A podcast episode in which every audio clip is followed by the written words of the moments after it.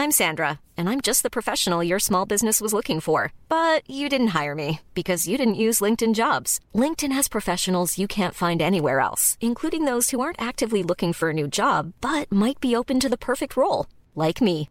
In a given month, over 70% of LinkedIn users don't visit other leading job sites. So if you're not looking on LinkedIn, you'll miss out on great candidates like Sandra. Start hiring professionals like a professional. Post your free job on linkedin.com slash spoken today. Hey, I'm Ryan Reynolds. Recently, I asked Mint Mobile's legal team if big wireless companies are allowed to raise prices due to inflation. They said yes. And then when I asked if raising prices technically violates those onerous two-year contracts, they said, what the f*** are you talking about, you insane Hollywood ass?" So to recap, we're cutting the price of Mint Unlimited from $30 a month to just $15 a month. Give it a try at mintmobile.com slash switch. $45 upfront for three months plus taxes and fees. Promo for new customers for limited time. Unlimited more than 40 gigabytes per month. Slows. Full terms at mintmobile.com.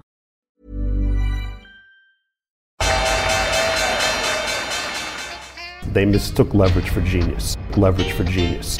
I would recommend you, Japan. The governments don't rule the world. Goldman Sachs rules the world. Velkommen til en ny episode av podkasten 'Tid er penger', en podkast med Peter Warren. Dette er episode 92, og jeg er dessverre produsent og trykker på knappen. Og vi får egentlig bare komme i gang. Det har jo vært eh, en ganske heftig måned. Jeg sier det måned, det er jo ikke helt en måned siden Biden vant, men eh, det har vært en, en heftig måned i markedet. Oslo Børs er opp 14 selv om det er relativt flatt for året.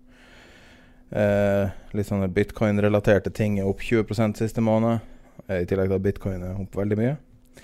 Eh, SMP steget 8 eh, Tesla fortsetter jo å briljere med å tilsynelatende bare gå én vei. Er opp 600 for året nå.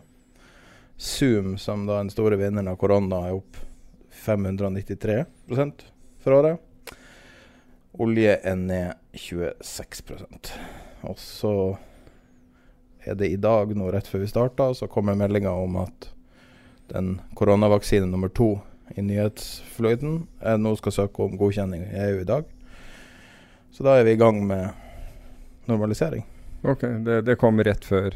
Ja, rett nå, men altså, vi vet jo at denne uka skulle det starte. Så ja, nettopp. hva skal jeg si, egentlig? Jeg vet, jeg vet, ikke, men jeg tenkte det mest oppsiktsvekkende altså Du nevnte jo uh, oljeprisen der. Den, uh, den var Altså I den siste måneden så er den opp 18% Så uh, det, har, det har skjedd noe der også. Og kobber er opp. Det så jeg rett før vi starta også. Ja, altså, det skjønner jeg ikke like mye. Ja, jeg, jeg, skjønner men jeg tenkte at vi kunne ta det eh, litt senere når vi, vi snakker om eh, eh, litt av effektene av eh, det amerikanske valget. Men sånn markedsmessig nå, så, så virker det å være kanskje det reneste, hvis man skal prøve å tenke at markedet er en levende entitet. Mm. Så det er kanskje det ektest, ekteste rallyet jeg kan huske å ha sett. Basert på at mange er letta over at Altså For å være helt ærlig, selv om det, det her er ikke et politisk statement, men altså folk virker å være letta av at Donald Trump tapte, ikke av at Biden vant, men at han tapte at en viss sånn normalitet har kommet tilbake igjen. Det virker å være det som er driveren bak rallyet nå. Kanskje ja. det som putter eller, eller, kanskje det er løfter om framtidige subsidier, jeg vet ikke. Men, men, det virker bare som det her rallyet for en gangs skyld er drevet av noe enkelt. Og noe ikke grusomt kynisk som dreper framtida. Ja. jeg er ikke enig. Altså, jeg, jeg tror Jeg tror du har, har, har, delvis rett i det der at uh, at mange er, setter pris på at Biden vant kontra usikkerheten rundt, rundt Trump. Altså Nå tenker jeg ikke usikkerheten rundt valgresultatet, men usikkerheten med hensyn til hvor, hvor ting går, hvor USA går, hva det finner på å gjøre. Altså Han vil jo iverksette Det gjorde han for øvrig. Trodde han må gjøre umiddelbart. Også etter at, at, valgresultatet var kjent, var eh, nye sanksjoner mot Kina f.eks. Altså, jeg tror det at en normalisering av forholdet til Kina, men også til Europa for den saks skyld, er noe som markedene uh, setter pris på. Um, og så er det vel nå, nå, kommer det jo an på hvordan det går med demokratene i Senatet, om de om, om, de klarer å få flertall i Senatet. I utgangspunktet har de vel ikke flertall nå. Men det er litt sånn usikkerhet om Georgia folk kommer til å møte opp og stemme. Liksom. Ja, nettopp. Men uh, jeg tror jo Altså, det er jo slik at demokratene altså De har jo pushet på for, for stimuli. Um, og da, da, Trump var, var syk med korona, så var jo uh, forslaget fra demokratene vesentlig mer ekspansivt enn forslaget fra republikanerne. Mm. Så det er nok helt klart et håp i markedet om at stimulitiltakene fortsetter. Får vi se hvilken form det er i. Det kan vi jo snakke om etterpå. Så det er naivt å tro at det her er politisk og bare lettelse? Kollektiv lettelse? Ja, ja jeg, jeg, tror det er en kollektiv lettelse. Det er det ene. Og så er det det andre at vi har da vi har fått flere nå vaksiner på, på banen, så det er en del ting som har gått, uh, gått i, helt klart i markedets uh, favør. Men samtidig så må jeg jo si det at jeg fikk uh, jeg fikk se noen noe forslag det, til, til, formuesplassering uh, for noen. Og der var det sånn Det var utelukkende Altså det var sånn 70-80 aksjer og henvisning til at aksjer uh, har vært suverene over lang tid og osv. Og, og det som slår meg, og jeg har hørt dette fra flere Men det som slår meg i, i det narrativet, er at samtidig som markedene har gått oppover på, vesentlig pga. stimuli, så har gjelden økt. Gjelden har ikke bare økt på nasjonalt nivå, med andre ord at eh, land har har, eh, har økt sin gjeld. USA voldsomt. Men bedriftene har gjort det samme. Og veksten har ikke steget tilsvarende. Og Jeg spurte da en sånn, en, en sånn fondsleverandør som, uh, som, som, gjerne ville at man skulle Han sa at det er, aldri noe problem med aksjer hvis, hvis, man har Altså Du kunne gå tilbake, og over ti år har aldri vært et problem. Så sa jeg har vi, har vi noen gang hatt så mye gjeld? Nei, det visste han ikke. Så sa jeg jeg kan fortelle deg vi har aldri hatt så mye gjeld. Verken på, på nasjonalt nivå eller i bedriftene. I nasjonalt nivå i, i, i, fredstid. Snakker du i Norge nå, eller? Nei, nå snakker, jeg, nå snakker jeg for USA, men jeg snakker sånn generelt. Altså, eh, gjelden er, er, skyhøy i en rekke land. Altså gjeld i forhold, til, i, i forhold til vekst. Så sa jeg tror du det kan ha noe å si? Og det hadde han ikke tenkt på. Så sa jeg virkelig? Du har ikke tenkt på det at gjelden har, har økt dramatisk. Du, du, mener at det er ikke noe som, som burde være med i regnestykket. At det er, det er, mer og mer gjeld som skal betjenes, og veksten har ikke vokst tilsvar tilsvarende. Altså man ord, inntjening har ikke vokst tilsvarende. Det spiller ingen rolle. Nei, det var ikke det han hadde fått beskjed om å si, sier han. Nei vel. Hvem er, hvem er, det, som, hvem er det som styrer dette? Nei, det var liksom ledelsen i forvaltningsselskapet. Akkurat. Og jeg tenker at altså dette må jo være en av de største eksemplene Altså fondsmarkedet uh, i dag må være en av de største eksemplene på recency bias. Altså med andre ord at du tror at det som nettopp har skjedd, skal, skal, skal fortsette å skje. I historien. Altså I det minste så burde vi Altså jeg synes det, er, det, kan, det kan hende at, at, de velger å lande på, på, det samme, men at du ikke har tatt med med eh, så viktige faktorer som at gjelden er blitt vesentlig større, og evnen til å betjene gjeld har ikke steget tilsvarende, det, det syns jeg er ekstremt naivt, for å si det mildt. Noen, altså det kan hende at stimuli fortsetter og gjelden fortsetter, og vi fortsetter, vi fortsetter å, å, øke dette gapet mellom, mellom uh, verdsettelser og inntjening. Men det betyr samtidig at vi øker risikoen hele veien. Men her er det sånn at man, man tar ikke stilling til Man, man velger å se bort fra det, og det syns jeg er oppsiktsvekkende.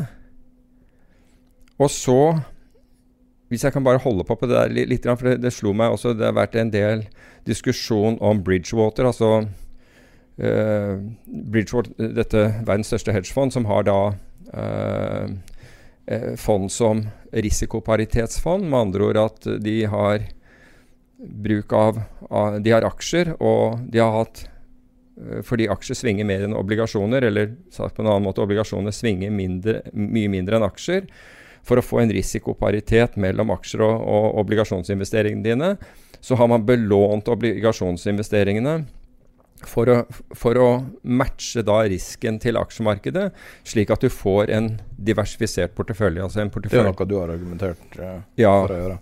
Men, men, så er det ingen allikevel, og, og, heller ikke Bridgewater, siden de er overrasket over det at de er ned nesten 20% i år, har, hvor det har slått dem at når obligasjonsrentene nærmer seg null eller går i minus, så endrer egenskapene til obligasjoner som en diversifisering i forhold til aksjer dramatisk.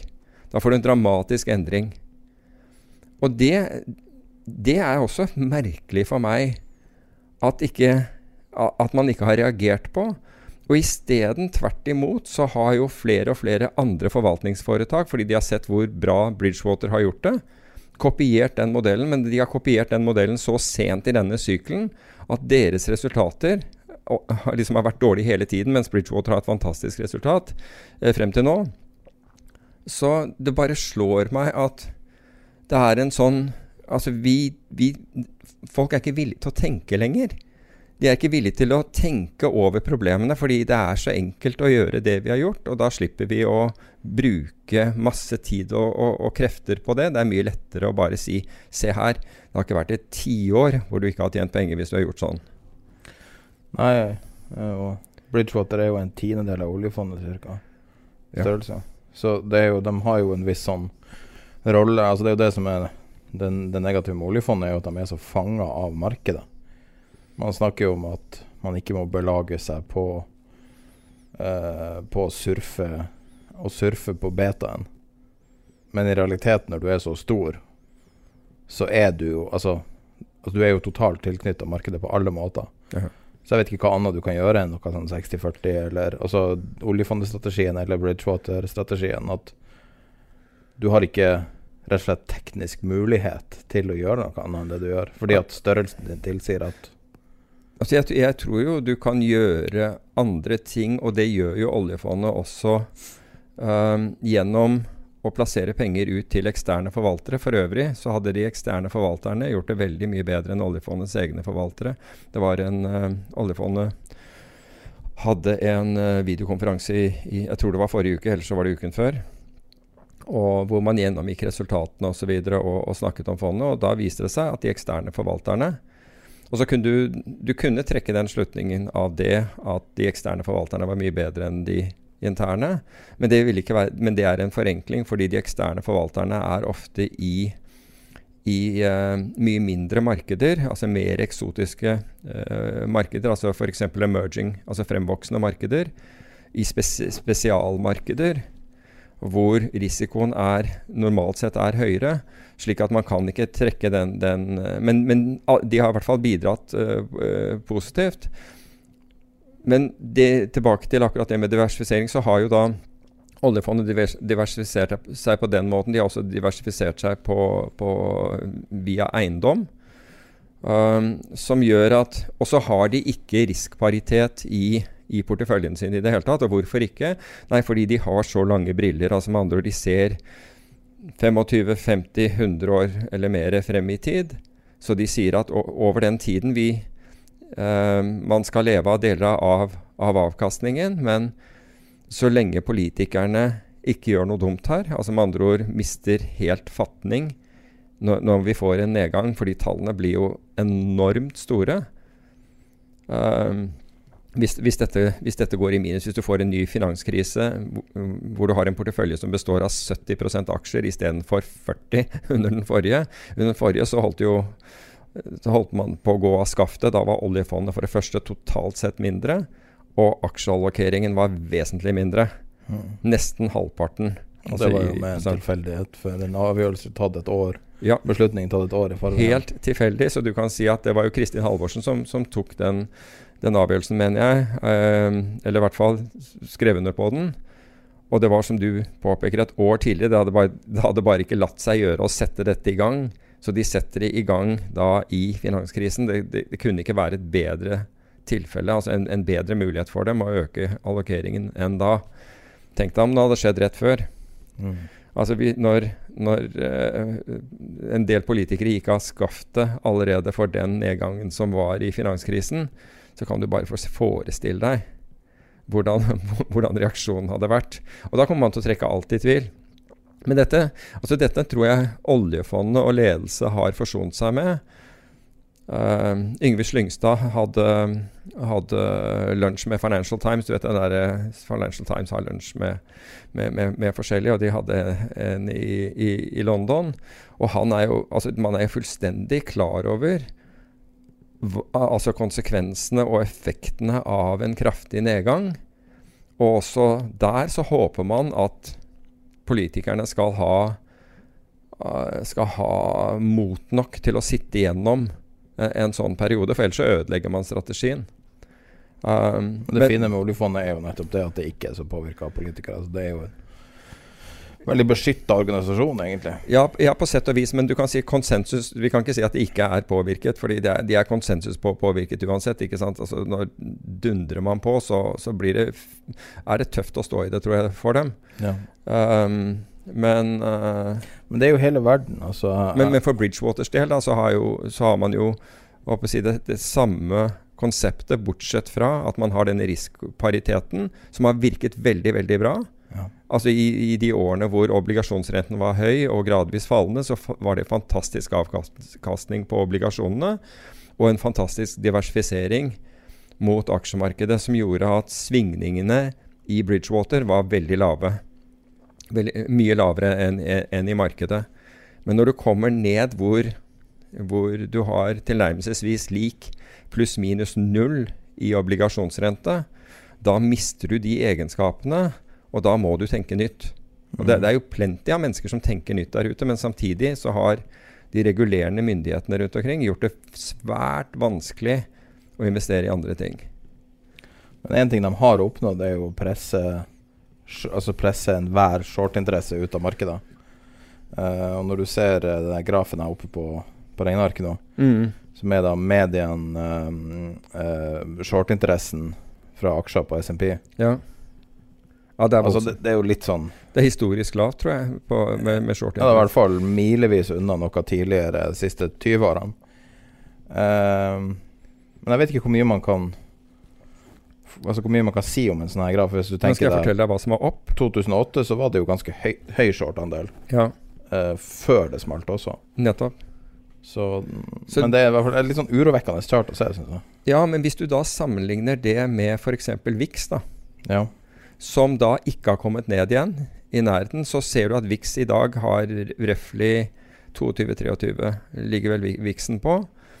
Uh, som tilsvarer svingninger på, på SMP 500 på ja, i underkant av 1,4 om, om dagen. Så VIX-en er egentlig dyr. Så et eller annet sted skaffer folk seg ja, Det kan godt hende at, at man, man, kjøper opsjoner til oppsiden like, my, like mye. Men, og det, det, har jo, det, har vi jo sett bl.a. i, i, uh, i, i Nasdaq-selskapene. At mm. folk vil være med til oppsiden. Men of the money. Det, ja, det, men jeg tenker at det er bedre Altså det kan være bedre at folk gjør det gjennom opsjoner, som du vet nøyaktig hvor mye premie du taper, kontra å være lineært long eller short i markedet. Tesla er jo et godt eksempel på å ha vært lineært short har vært liksom helt fryktelig. De som, de som bare satt, og eventuelt fortsatt sitter lineært short uh, Tesla. ikke sant? Det er jo mareritt uten like. Det er helt uforståelig hvor mye penger du har tapt. Det er helt uforståelig mye utstede, penger. Utstede opsjoner der, f.eks. Det, ja. det er virkelig en widowmaker. Ja, det, ja, absolutt. Men du kan si at det har vært tider der, også, i og med at volatiliteten har svingt så mye altså den, den, svinger fra et eller annet sted rundt 140 ned til altså Sett over 20 dagers uh, historikk. Alt fra 100, ja, 130 og ned til, til underkant av 60. Så du kan si at du kan, du kan trade den volatiliteten også. Mm. Um, og, og, og, det er likvid. Uh, hvis det er det du skal gjøre. Men, uh, men tilbake til der vi, der vi var, er at har Altså, det mantraet nå er jo at og, og, du ser det på, på, akkurat det du viste. altså Det er, det er omtrent ingen som er short. Uh, margin debt stiger, altså med andre ord folk belåner posisjonene sine mer. Den, den, er, den er, på vei opp. Og, og, og, du har en hel fondsbransje som ikke engang er villig til å ta inn over seg, ikke engang villig til liksom å tenke over konsekvensen av at vi har at vi har øh, økte øh, selskapsverdier, altså med andre ord vi betaler mer i forhold til inntjening for selskaper nå enn det vi har gjort på veldig veldig, veldig mange år. Ekstremt mange år. Og vi har, en, vi har rekordgjeld i bedrifter og rekordgjeld eh, nasjonalt. Og så sier man at det skal ikke bety noe. Men jeg sa Jeg gjorde Han som, han, han som jeg snakket med, som var da fondsleverandør, så jeg sa at hva, For sa at jo på Jeg sa se på Norwegian. Der har du et eksempel på hvor gjelden har vært vanvitt, og er vanvittig stor i forhold til egenkapitalen. Og hvor jeg sa at Norwegian kan ikke gjøre det som den amerikanske stat gjør. Norwegian kan ikke bare begynne å trykke penger. De kunne prøve å trykke opp aksjer, men da faller jo aksjeverdien voldsomt. Men i USA, når man trykker penger, så faller ikke dollaren voldsomt. Det har ikke gjort det. Uh, altså Den har falt noe, noe tilbake, men det er jo ikke i nærheten av uh, å gjenspeile den, den, trykkingen av penger. Så, så, du kan si at når du, når du, legger det på et nivå hvor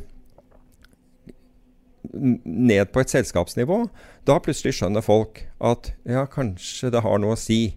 Og, og nevner da Norwegian, som av en eller annen grunn ikke tas frem eller tenkes på i det hele tatt når det gjelder et selskap altså de, man, man, snakker om det, men man snakker ikke om dette relativt til, til gjeld kontra, eh, kontra verdiskapning. Det er ikke det vi snakker om. Det er flint mange andre selskaper som også har veldig mye, mye gjeld i, i, forhold til verdiskapning, og vi bryr oss ikke om det. Netflix. ja, og så ser vi hvor, hva som skjer når det plutselig går gærent. Og disse selskapene kan ikke, kan ikke trykke penger. Og da går det galt. Så hva betyr det? Jo, det betyr jo at risikoen øker og hvis, hvis, det er riktig at risikoen øker, burde ikke da det være en del av det du tenker på, og det du håper si, keeps you up at night? da? Nettopp at du Nå har jeg en portefølje som består av 70-80% aksjer. Det lille jeg har i obligasjoner, kommer ikke til å bety noe som helst hvis, hvis, hvis det smeller. Burde jeg ikke da hvert fall tenke på det og være klar over det, over det og liksom ha tatt stilling til er jeg komfortabel med denne risikoen eller er jeg ikke? Men nei, det, det, det, er ikke en, vi vil ikke diskutere det engang.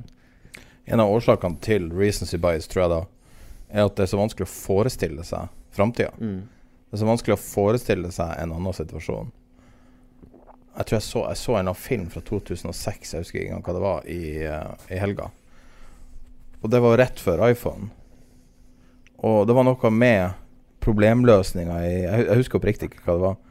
Uh, men det var problemløsninga der som var så annerledes fordi at det var livet før iPhone. Mm. Men du kunne virkelig ikke forestille deg en enhet som løser alle problemene dine.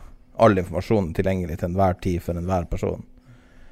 På samme måte så sitter vi her nå, og så ser vi da et marked der alle er blitt vant til at det skal manipuleres. Det er offentlig mm. vedtatt at det skal manipuleres. Og mm. konspirasjonsteoretikere driver og drømmer om at jorda er flat. Og, og så, men her har du en megakonspirasjon mot alle. Mm. Alle verdier bare eroderes fordi at det er så mye gjeld.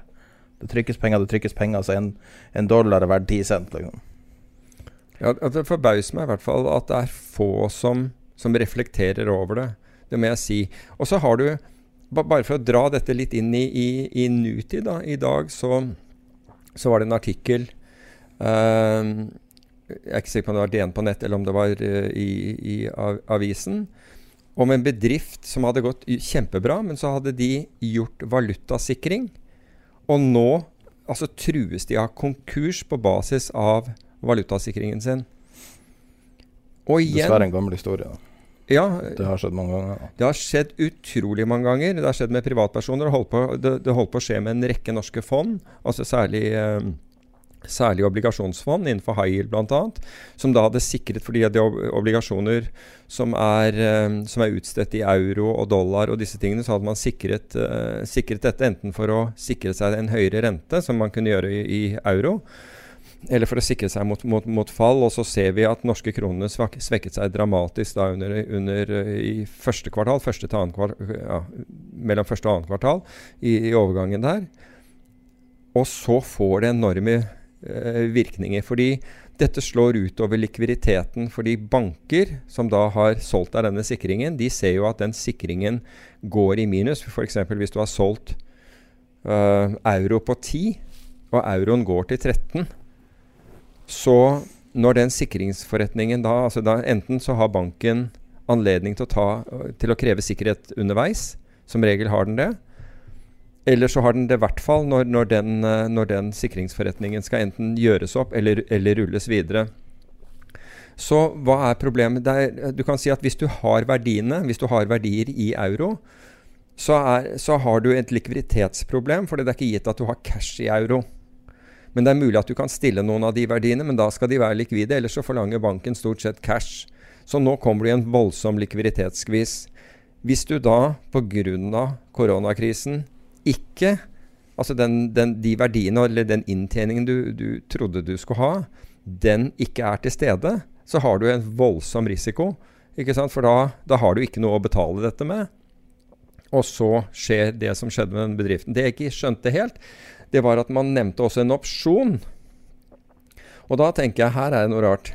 Og da lurer jeg på hvem, hvilken, hvem det er som har gitt denne her anbefalingen.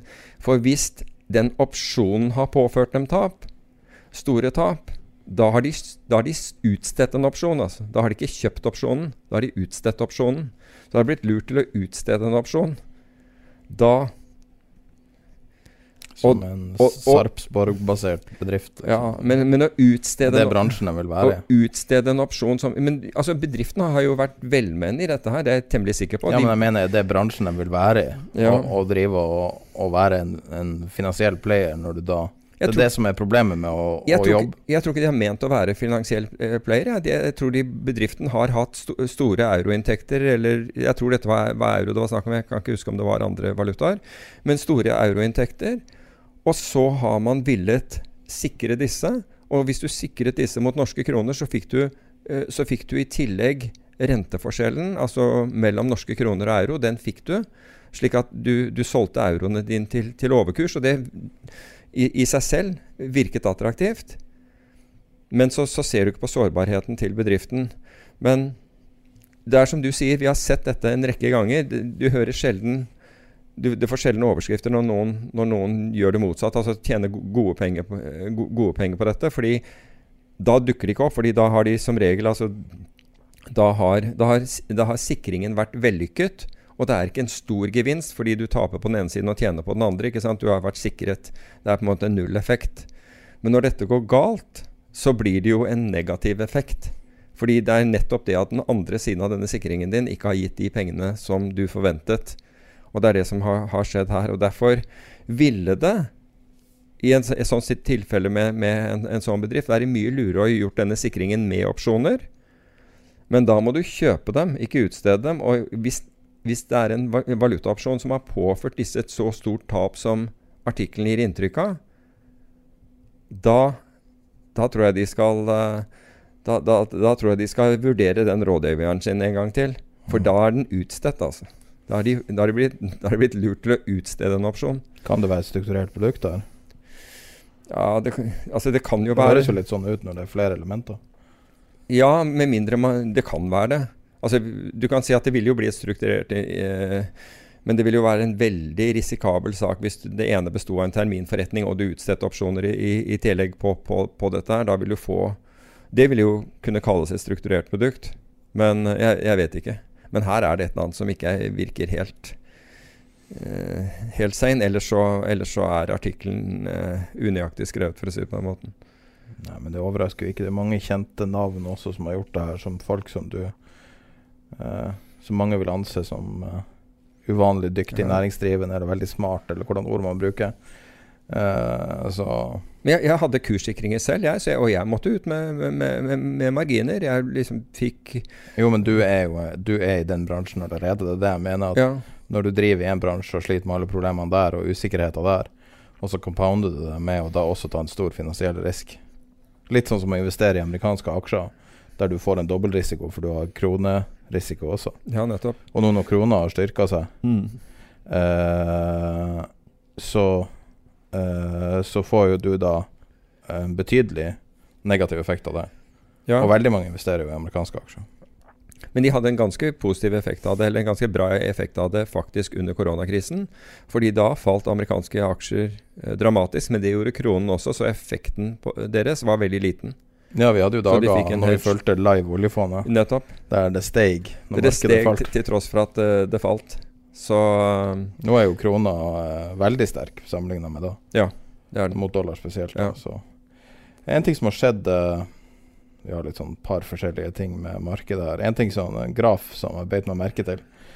Det var noen som hadde charta eh, Jeg vet ikke akkurat hvordan det valgte ut, jeg lurer på den ETF, men det er favorittaksjer, retail-favorittaksjer. Mulig det er toppaksjer fra, fra eh, Robin Hood eller noe sånt. eh, som er opp 80% i år. Mm. Eh, en typisk retail-trader har kjøpt de aksjene. Og markedet da er oppe noen få prosent, og hedgefondindeksen er flat for året. Eh, og da er liksom det overskrifta at eh, retail knuser hedgefond med store lønninger, og dy dype analyser. De har kjøpt eh, Hva var det? Ga Galaxy Nei, hva var det? det Virgin Galaxy og Eh, de har kjøpt Tesla, og de har kjøpt Nio og alt mulig. Aha. Hele veien opp. Og tjent noe grassat med penger i år. Ja, altså Man måtte jo i tilfelle uh, sammenligne det med, med hedgefond long-bøker. ikke sant? I og med at hedgefond har også short-bøker for, for å dempe volatiliteten. Men, men, men helt klart, uh, den grafen jeg så, så den har jo slått det meste. Altså Hedgefond long-bøker kan du jo veldig godt se gjennom bl.a. en GVIP som jeg puttet på Facebook-gruppen vår. Ja. Utviklingen på den Goldman Sachs ETF-en som har da eh, Den inneholder de aksjene altså, som, som store hedgefond eier. Uh, og den har da Den har jo nesten gått tre ganger uh, så mye som SMP 500 i år.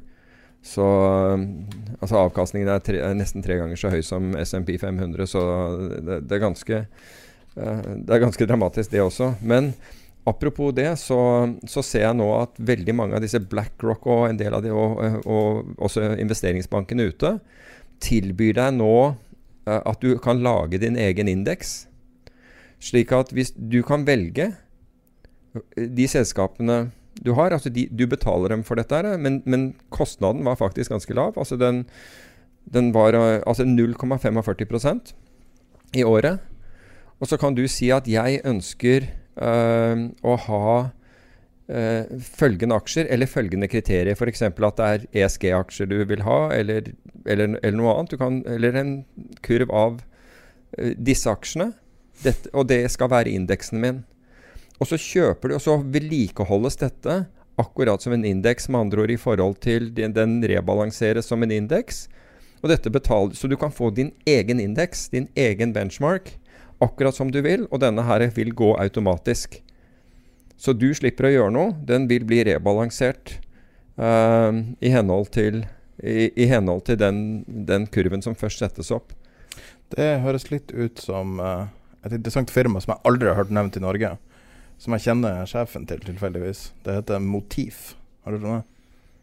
Jeg syns, altså navnet jeg, jeg vet ikke, men jeg syns Nesten garantert at du har, du har vært borti det. De lagde, når ETF-er begynte å slå gjennom for en sånn ti år siden, så lagde de en, sin versjon av veldig billig trading, eh, litt à la kanskje Robin Hood, Mm. eh, der du kunne sette sammen portefølje som du trada jeg tror, jeg tror det var null dollar det kosta, eller én dollar for hele. Altså bare praksis gratis. da um, Og du kunne da kjøpe deg inn i veldig sånne nisjeideer, på en måte. Nå har jo det her eh, til en viss grad blitt forbikjørt av ETF-er. Men eh, Motiv eh, syns jeg er en fortsatt en interessant idé, der de holder kostnadene lav, og så kan de uttrykke ideer litt tydeligere. Du kan si f.eks. en form for eh, eh, Altså hvis, hvis du er interessert i chips som brukes i miljøteknologi, f.eks. Altså noe veldig nisje. En historie, en god historie. Så det er noe som er verdt å, å se Ja. på, hvis man er interessert i, i det du beskriver nå. egentlig. Ja, nettopp. Så du kan få akkurat den kurven. Ellers så, altså av ting som har skjedd i det siste og, og markedet, så, tenk, så er det én ting er at man satte ny eh, rekordsalg av elbiler på, på verdensbasis i september med 336 000 biler solgt. Det er jo en positiv ting, miljømessig i hvert fall. Eh, så ser vi at, eh, at eh, Ja, kom igjen. Quiz. Hvis du eier Bare for å vite hva miljøet er, da. Hvis du eier en eh, Toyota Hybrid i dag, og du kjøper en elbil, hvor lang tid tror du det tar før du får en netto miljøeffekt? Hvis du kjøper deg en Toyota Hybrid Nei, du har en hybrid, ja. og du bytter den ut med en elbil. For det er ikke sånn at ting automat og Men det er, for- jo mange forutsetninger, da. Fordi, Nei, altså det er, men, uh, det, en, det var noen som delte den for lang tid siden på Discord-gruppa. Okay. Uh, for det her er noe som folk har diskutert og diskutert og diskutert. Liksom det at det er ikke miljøteknologi og ditt og datt. At Mhm. det, det, det er høy, kost, altså, høy miljøkostnad å produsere osv. Men det tar Hvis jeg husker riktig nå, så er det fem år. Og da, det femte året, Aha. er det positivt. For produksjonen og alt sammen bidrar eh, betydelig negativt. Okay. Kommer det fra en SUV eller noe lignende, så er det Mhm. mye kortere tid. da Ja, skjønner. Cirka halvparten, tror jeg. Okay. Men det er jo fortsatt årevis. Ja. Bare et apropos, når du ja, sier at det Ja, ja. Ellers så ser vi for øvrig at uh, flere rigger kommer i, i arbeid. Det, det er gradvis altså den, Det har jo vært altså ol- Oljemarkedet har jo vært uh, en, en, en sorg, men da, da selvfølgelig ikke, uh, er vi langt fra det å ha negative oljepriser. Men eh, vi, vi ser økt aktivitet der. Nå driver jo OPEC og, og ja, Det kan hende at, at det er kommet noen nyheter. Det kommer helt sikkert før, før denne sendingen kommer ut. Men om de har blitt enige om reduksjonen i produksjonskutt. Fordi de kommer til å gå Altså de har jo produksjonskutt nå på og, over 7 millioner fat. Og den, den, altså det er vel noe snakk om at man skal redusere det med, med i rett i underkant av to millioner fat. Men i, i, i det, så, altså det, så det skjer ting i oljemarkedet også. Du har jo en contango i mesteparten av kurven. Jeg tror du har, Det var en liten backwardation helt foran i kurven, helt forrest. Men ellers så har du contango i hele, i hele oljekurven. Men, men det som øh, men det som er interessant der, var for øvrig at øh, Goldman sa at de hadde sett, det var historisk mye kjøping av oljerelaterte selskaper i forrige uke. På, så de, de hadde faktisk ikke sett så mye, men, de, men det er vesentlig short-inndekking. Så folk ønsker ikke å være short i, i olje lenger. Så det de så, den etterspørselen de, de så, var, eh, mente de var, eh, var dekking, inndekking av, av short. Altså dette er i oljeselskaper og olje, altså tilhørende selskaper. Altså olje, hele sektoren for den saks skyld. Ikke i selve oljen, for i oljen er, der er jo fortsatt eh, Der er spekulantene long som det er. Så det er mye inndekking. Eh, mye Er på grunn av Du nevnte så vidt Baker Hughes-tallene. Altså jeg, Altså rig-kanten, som er nå på 3,20 i USA. Ja, altså jeg, jeg vet ikke om uh, om dette har med altså Jeg tror det er flere faktorer her. Og sikkert det, også det at OPEC skulle, skulle møtes. For OPEC møttes jo nå Hadde jo samtaler nå denne helgen, men de ble ikke enige. Um, så jeg tror at uh, det er sikkert delvis det.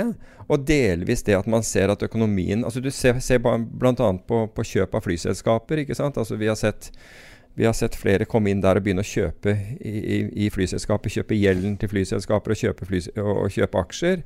Så at man ser Altså Jeg tipper at dette har mer med covid, altså det at man får vaksine, og at du tror at, at, at verden kommer i gang igjen, enn enn noe annet. Um, men det var i hvert fall in interessant å se. Um, Hvor fort tror du verden kommer tilbake?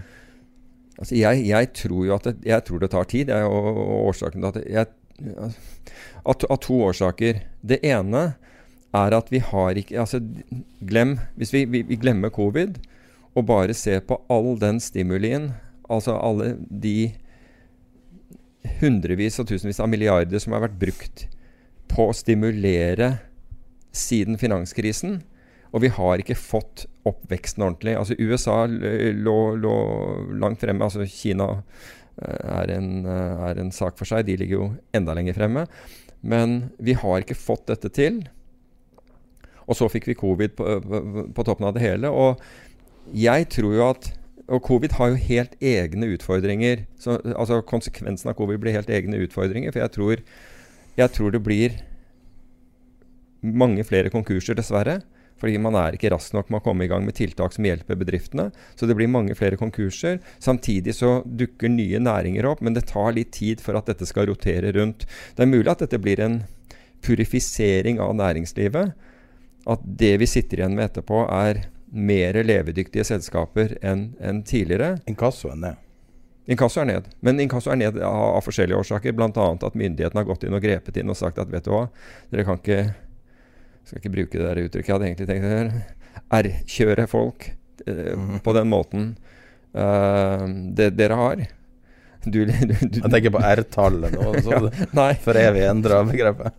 R-kjøre folk Nei, jeg bare tenker du er fra Nord-Norge, så du tåler ja, det. Men, men, uh, men, men, poenget mitt er at at de har liksom fått herje fritt og, og, og, og kjøre folk i senk.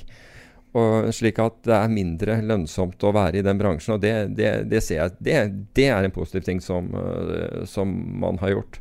Um, men jeg tror at, at denne omveltningen Det tar tid. Det tar tid å få dette her opp og, opp og stå og fram. Og når vi endelig har gjort det, så hva, altså, da, må ha, da, må vi i tillegg endre hvordan disse stimulitiltakene det det kan jo hende at kombinasjonen Biden-Yellen vil gjøre det.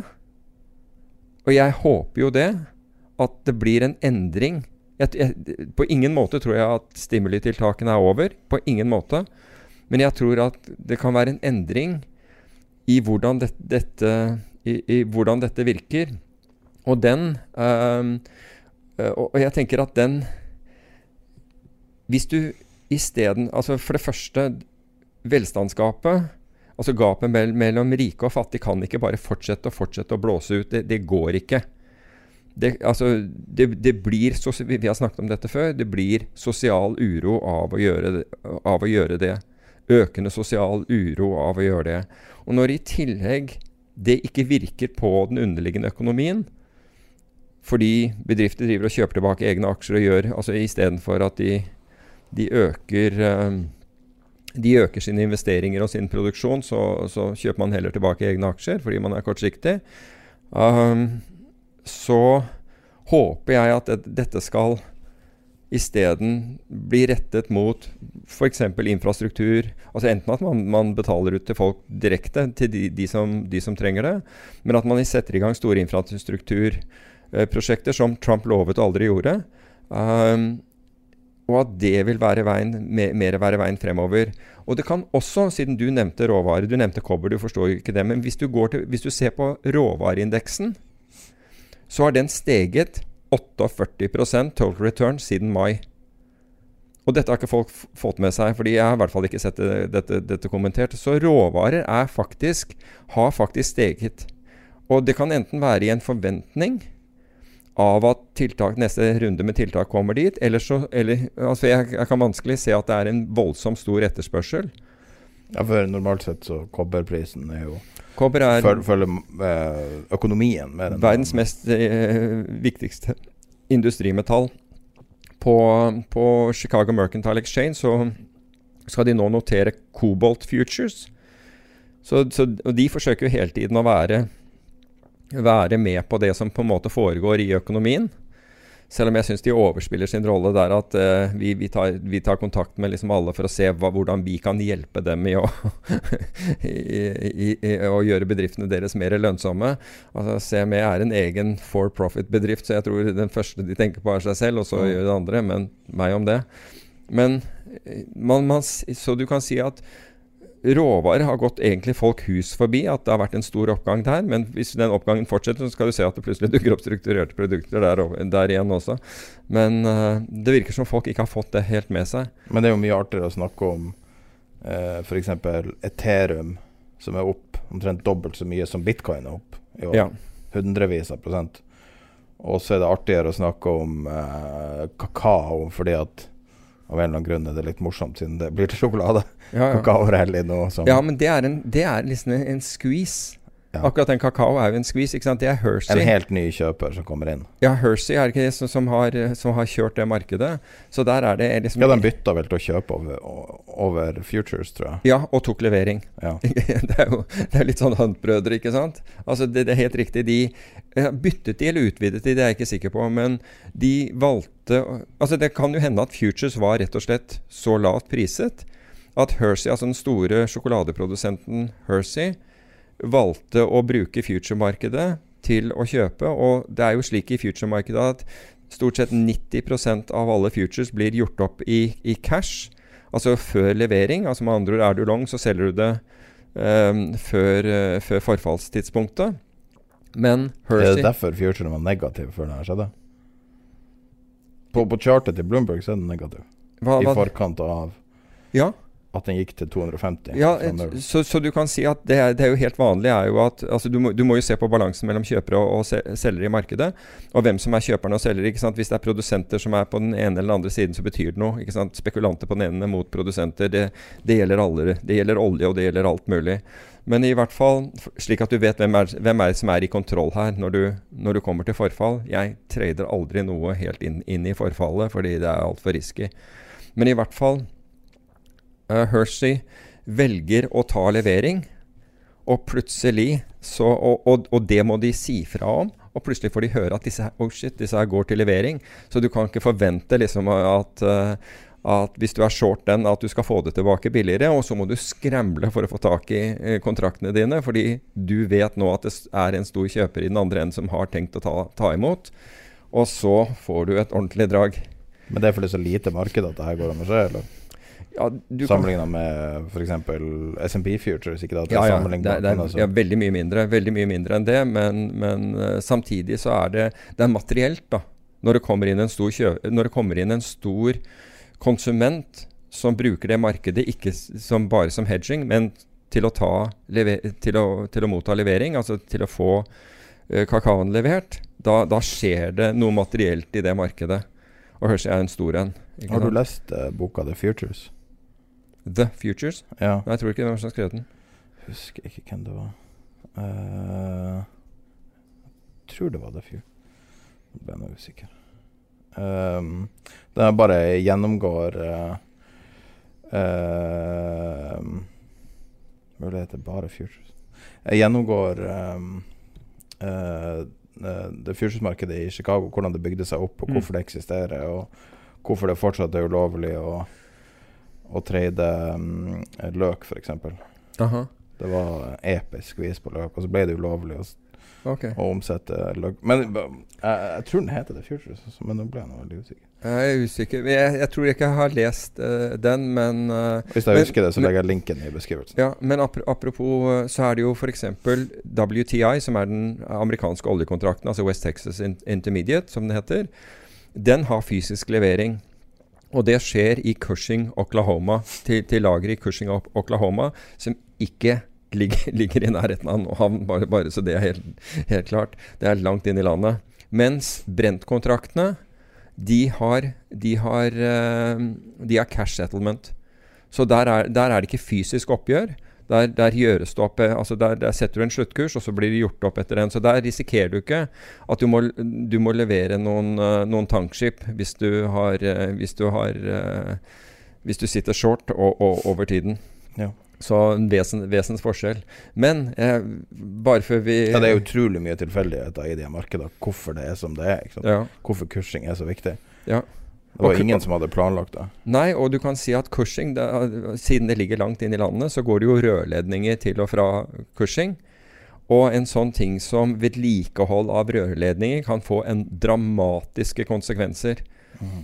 Um, og så er det, det, det samme gjelder jo når Cushing-lagrene er fulle. Da kan de ikke ta imot mer olje.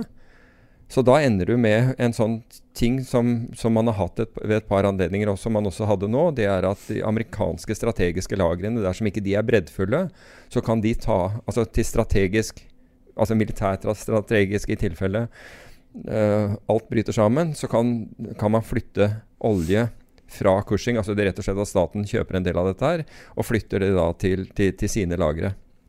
Til det strategiske oljelageret. Så hvis Cushing nærmer seg å være full, full og de, de, strategiske lagrene er lav, lavere, så, man, så, kan man tenke seg ok, her er det i hvert fall en mulighet at noe av den oljen kan finne veien over i strategiske lagre hvis dette her blir en eller annen form for krise. Hvis begge er fulle, så har du et ordentlig problem. Det, det hjelper ikke liksom å kjøpe og, og leie deg tre tankbiler altså, og, og, og, fylle opp uh, Cayennen. Så, men eh, hvis jeg kan bare ta én ting, ting, til egentlig som hadde med markedet å gjøre. Og det er at Nord-Korea de har eh, de, de, er et land som altså, Få land liker valutaspekulanter.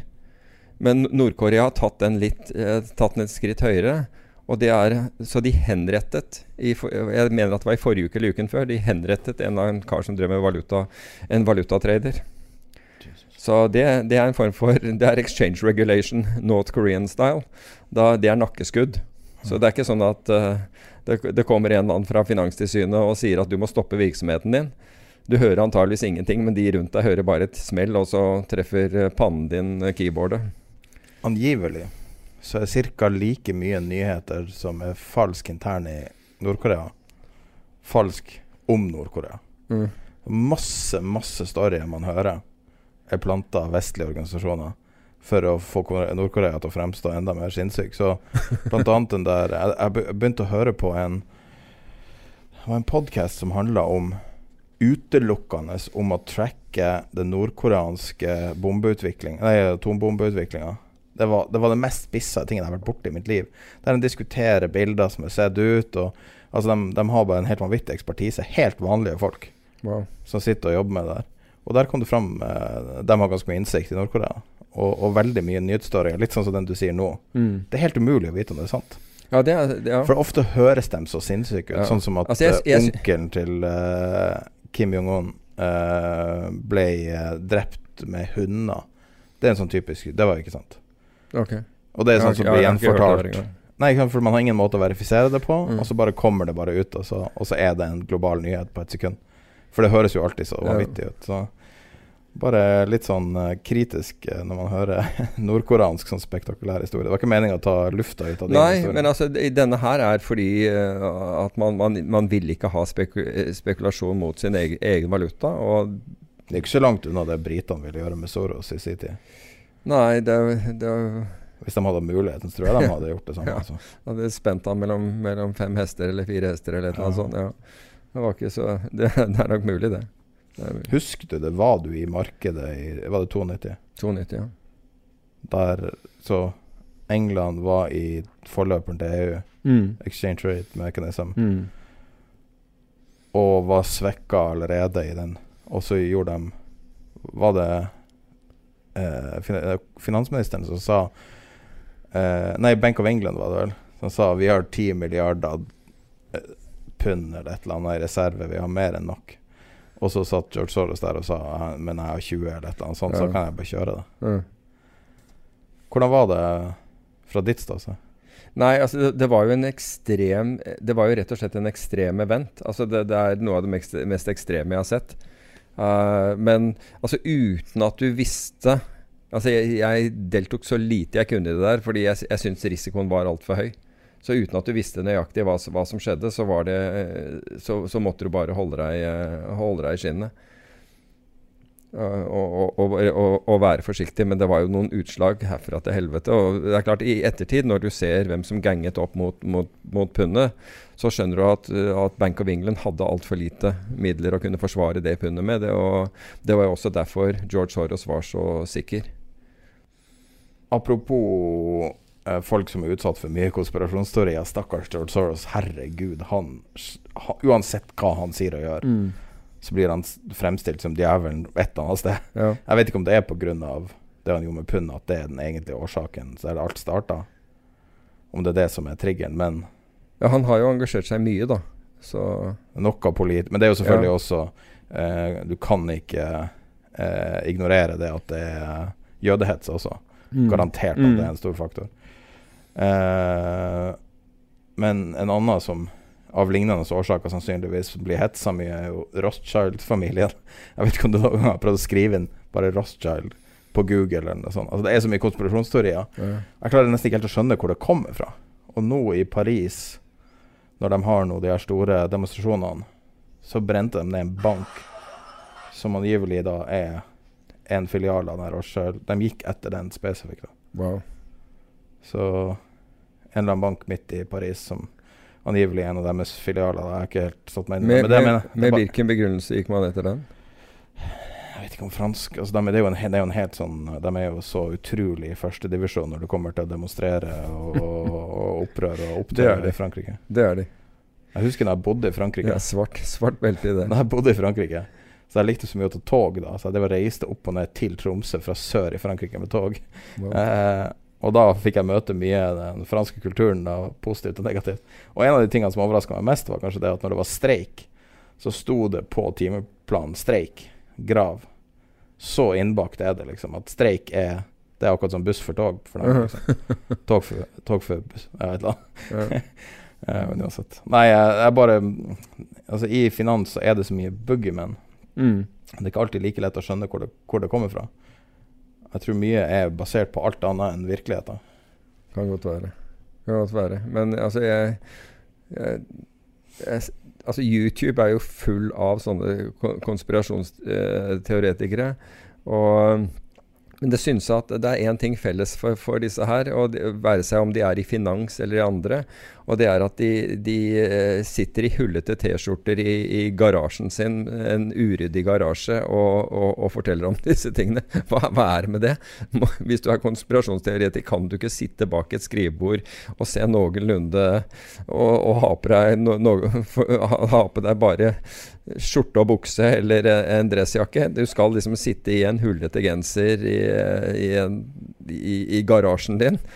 Jeg føler at Hvis du hadde sittet der i en pinstripe suit, så ser du hakket mer gal ut. Ja, kanskje det. Men altså heller det enn disse her som, som forteller om, eh, om eh, konspirasjoner innenfor finans og, og alt mulig annet. Det, det, jeg vet ikke.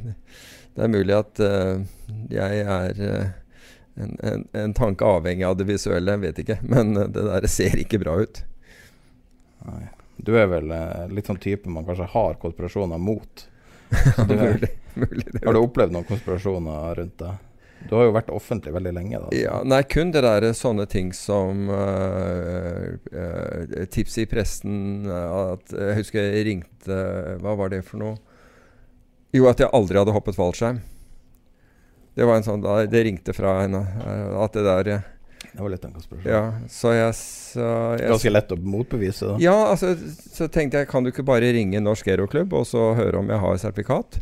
Liksom, det kan vel ikke være så vanskelig uh, å gjøre det. Og så var det et eller annet, det var et eller annet annet om en annen uh, sport. Så det er sånn av Men altså, jeg tror Men det er ikke en konspirasjon. Det er bare noen som ringer Ringer presse, og så prøver altså En eller annen som er sur på deg for et eller annet, og så eh, og, så, og så prøver man liksom å lage en eller annen story på det. Sorry. Digresjon. Ja, det var en veldig digresjon. Eh, men det var egentlig bare for å anerkjenne de demonstrasjonene i Paris som Ja. tatt veldig av. Egentlig bare fortsatte i år etter år etter år. Det føles som det alltid plukker opp bare Uansett. Eh, du vil snakke om fond og honorar. Jeg vet ikke engang hva Jo, altså det, det har jo den? pågått en sånn eh, veldig debatt nå, og det går jo på dette her med, med, med fondshonorarene. Og, eh, og nå har jo Finanstilsynet engasjert seg og mener at, uh, at fond som skal være aktive, ikke er aktive nok, og den, den biten.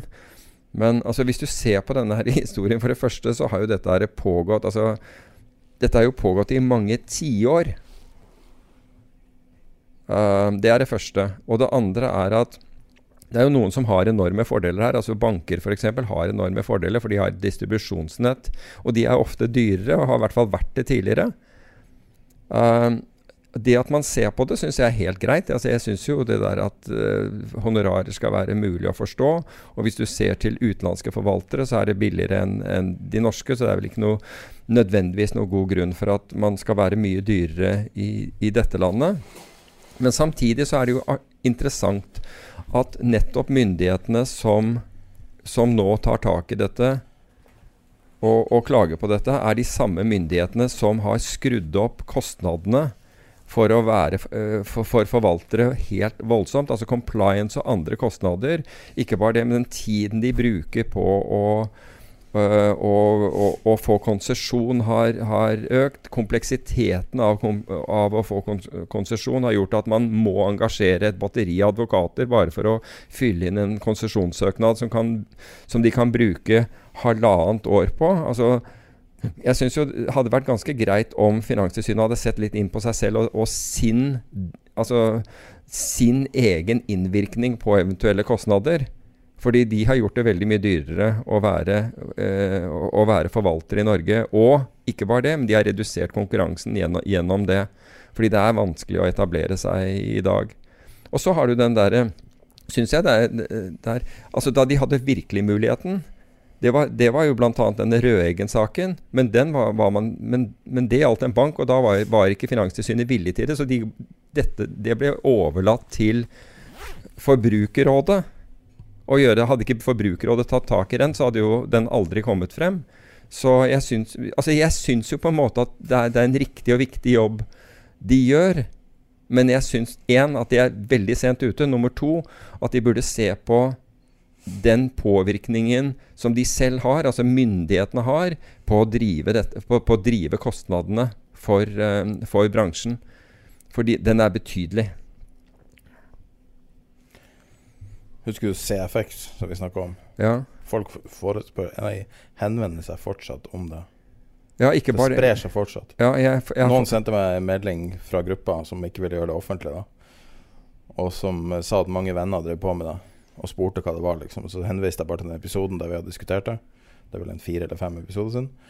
Um, og, så, uh, og, så, sa han ja, har du noen kilder som sier at, liksom, at det her er sannsynligvis ikke noe bra. Og så er det jo bare Da er jo Finanstilsynet kilden. Mm. De advarer ja, ja. mot det, men det hjelper jo ikke. Nei. De kan jo bare holde på. De holder på helt til de har Altså stjålet nok, og så Ja, altså Norgessjefen forsøkte å hekte seg opp på uh, Som da sitter oppe i Nord-Norge. Angivelig. Han forsøkte å, å, å, uh, Hva heter det for noe når du på, på, på LinkedIn? Altså bli venn, da. Ja, det er ikke bli venn på LinkedIn, det heter noe annet. Men få kontakt og, og, over LinkedIn. Så, så ja, det, de er fortsatt i gang. Det er ingen tvil om det. Um, men altså også det vi snakker om. Media har ikke tatt tak i CFX, og dermed så har, har ikke det blitt en, en, sak ute. Hadde ikke media tatt tak i dette med, med, med honorarer og den type ting i, i, fondsbransjen, så hadde ikke Finanstilsynet tatt tak i det heller. Det er egentlig media drevet, så ære være media uh, for det. Men det er jo ikke så mye finansmedia igjen nå heller. altså. Det var nå en rekke hjemmesider bare for noen år siden, og nå er det liksom Nei, men, men to kan, eller tre igjen. Ja, men hvis, hvis, uh, hvis de tre som, som, som, er igjen, dundrer på og, og, og, og påpeker, uh, påpeker, forskjeller og, ting som er, som, som er urettferdig, så til slutt eh, så, altså, Finanstilsynet orker ikke mange sånne, sånne overskrifter før de, før de er, føler seg tvunget til å se på det. Så det er jo egentlig media som er, er driveren her. Ellers en god nyhet, da. Det er Aberdeens, Aber, uh, altså forvaltningsselskapet Aberdeens nye fond. Det er et hedgefond, altså et fond av fond hedgefond, hvor det er kun kvinnelige forvaltere. Okay. Og så kan man liksom ja, Hva er poenget med det? Jo, fordi de har da sett på uh, Sett på, på avkastning. Vi har snakket om det tidligere, hvordan kvinner er bedre forvaltere, eller bedre trader, om, om man vil. Altså de, de, I snitt. I snitt. I snitt. Veldig viktig å si. I snitt, fordi de, har, altså de, de, tjener, de er ikke de, som tjener mest, det er heller ikke de som, som, som, taper mest. Og risikojustert så gjør de det bedre, gjør de det bedre enn menn i gjennomsnitt. Men de, har da sett på denne kurven, og er, det er en markert forskjell. altså fordi den kurven de har av uh, kan du si når, når laget de den, for det kan jo være survivorship bias her. Men den har gitt 6,9 Unnskyld, eh, eh, 6,1 6,9 unnskyld, 6,9 avkastning hittil i år, mens den brede hedgefondindeksen har gitt 1,1. Mm. Så Hvordan strategi var det? Multistrategi. Så det er um, ulike jeg, tror Systemika med Leda Braga er der, som er da systematisk trendforfølgende, og en hel haug av andre. Og det er fond i fond? Ja. Så denne her da består av så, Men det, jeg syns jo det, det, altså det, det, det, er noe nytt. ikke sant? Og i ESG-tiden så ser du til og med David Svendsen i, i, Yale hadde da tatt kontakt nå for å, for å, med, med, med, flere av de forvalterne som de bruker, for å se at liksom, den balansen mellom menn og kvinner og alt mulig sånn altså Governance øh, øh, er, er, opptatt av denne governancen. Og det, det kan definitivt bidra til å booste flere kvinner i finans. Det er iallfall sikkert. Så nå har jo, altså DNB er jo en som har gått ganske langt i det der. I hvert fall er det, de, er det ofte kvinner som, som, uttaler seg. Eh, eller i mange tilfeller er det kvinner som uttaler seg. Det er en positiv, uh, positiv sak, det, altså for all del. Så, og de har jo da kvinnelige forvaltere innenfor bl.a. hedgefond og innenfor absolutt avkastning osv. Så, og så, videre. så en god del. Tror du 19 000 dollar er sånn, eller, eller for så vidt 20 000 dollar er litt sånn magisk nivå uh, for bitcoin? Altså, vi, vi, vi, gikk forbi I forrige uke så var vi akkurat forbi. Vi, vi gikk vel forbi 100 Altså ikke over 20 000, men den offisielle bitcoin-rekorden Vi var 150 dollar høyere enn den i forrige uke, rett før uh, bitcoin falt 14 Og har nå kommet uh, godt opp igjen, holdt jeg på å si. Nå. Ja, tilbake til sammen. Ja.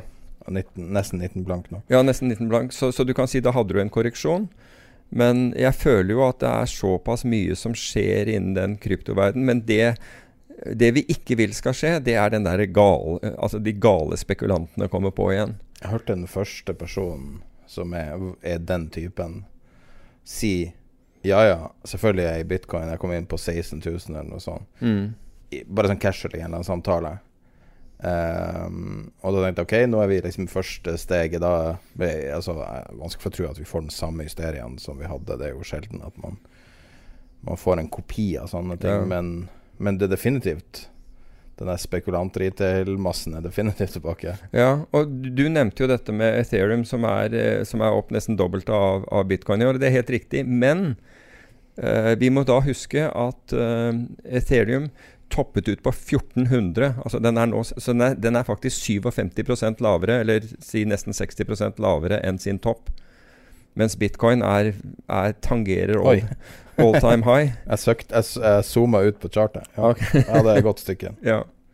Um, ellers så, så den derre salget i, um, i, i, i, forrige uke der viste det seg at den uh, Var det grayscale var det som, som falt i forkant av det?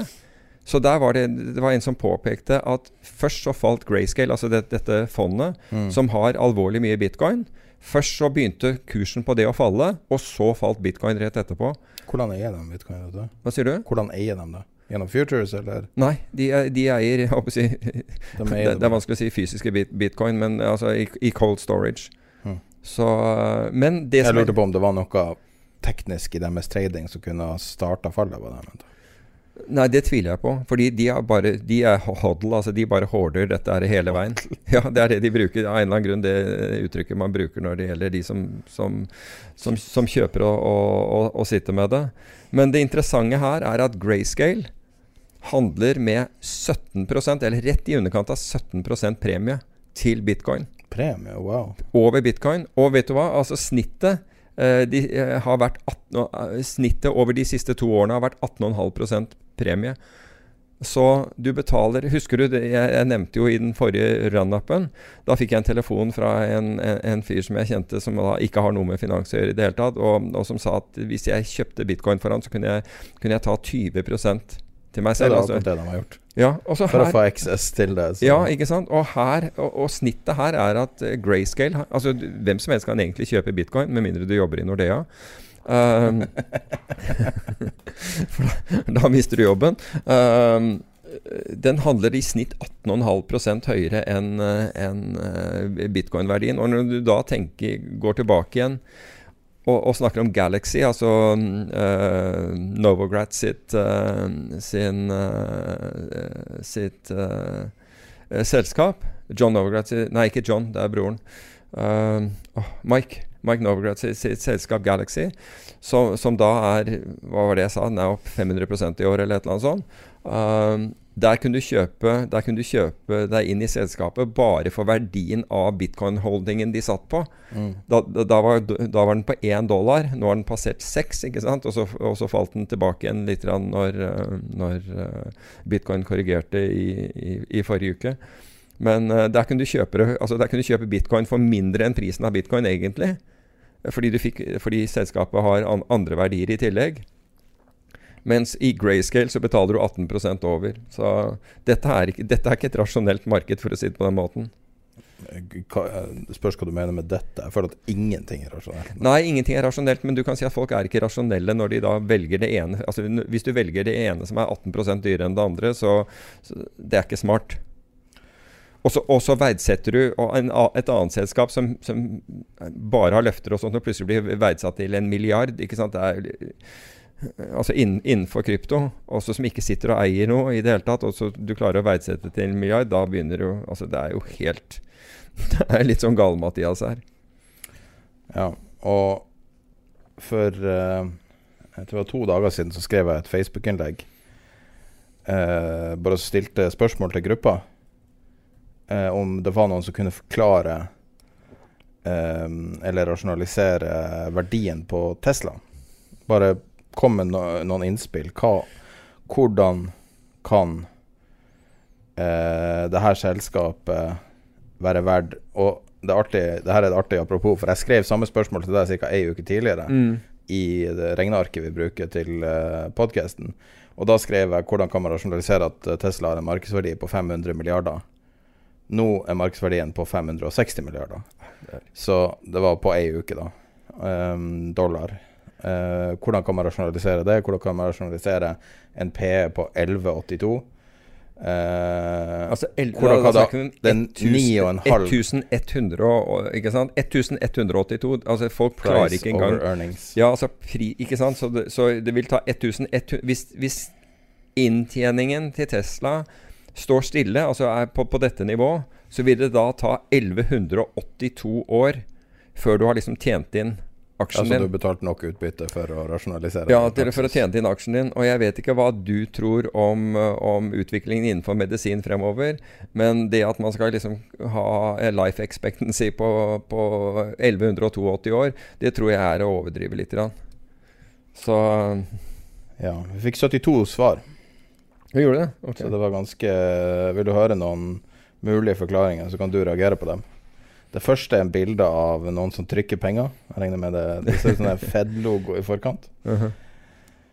eh, de har prisa inn at du kan bygge enda bedre batterier til å drifte en Tesla Coil, sånn som i spillet Red Alert på 90-tallet. Jeg vet ikke om du spilte Red Alert. Tesla Coil var stor.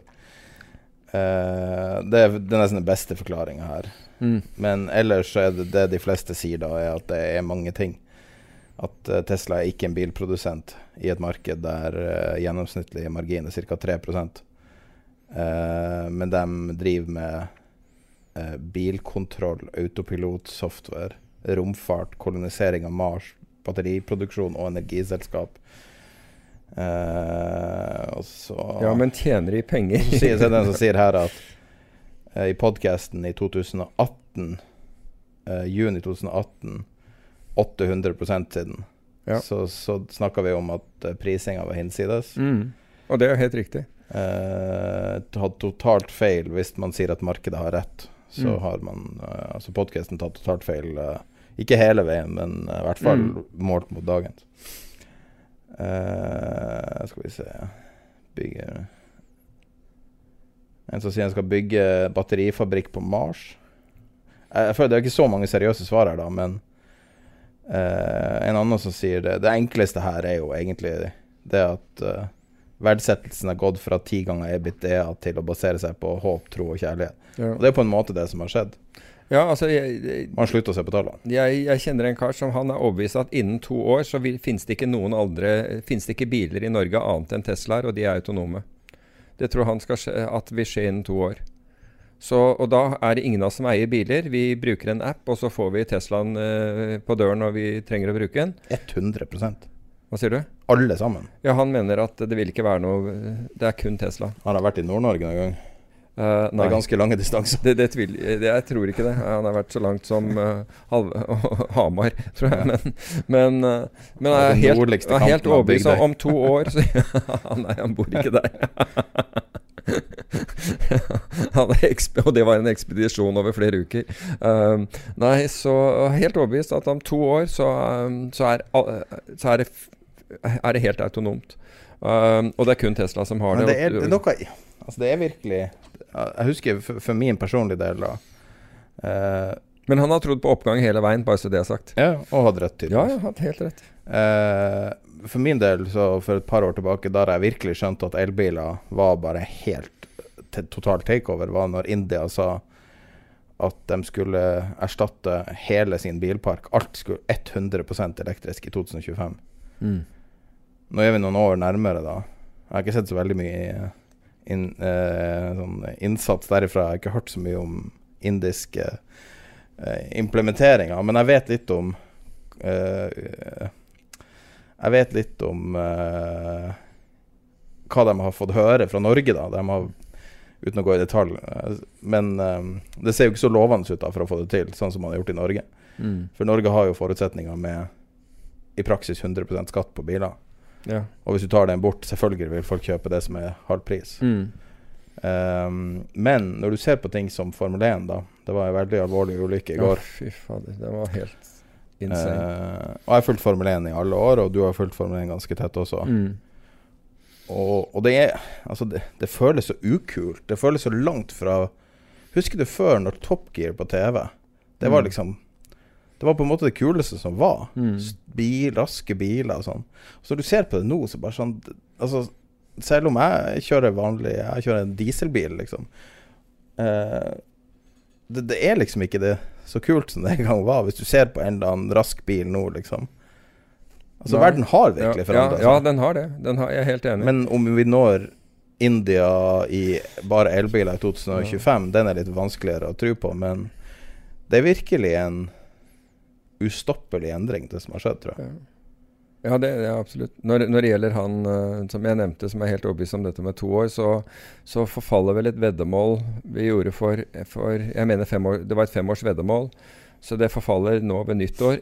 Jeg er ikke 100 om det er nå ved nyttår eller neste nyttår. Jeg tror det er nå. Og det var at det, samtlige tungtransporter, eh, altså lastebiler i USA, ville være autonome og elektriske.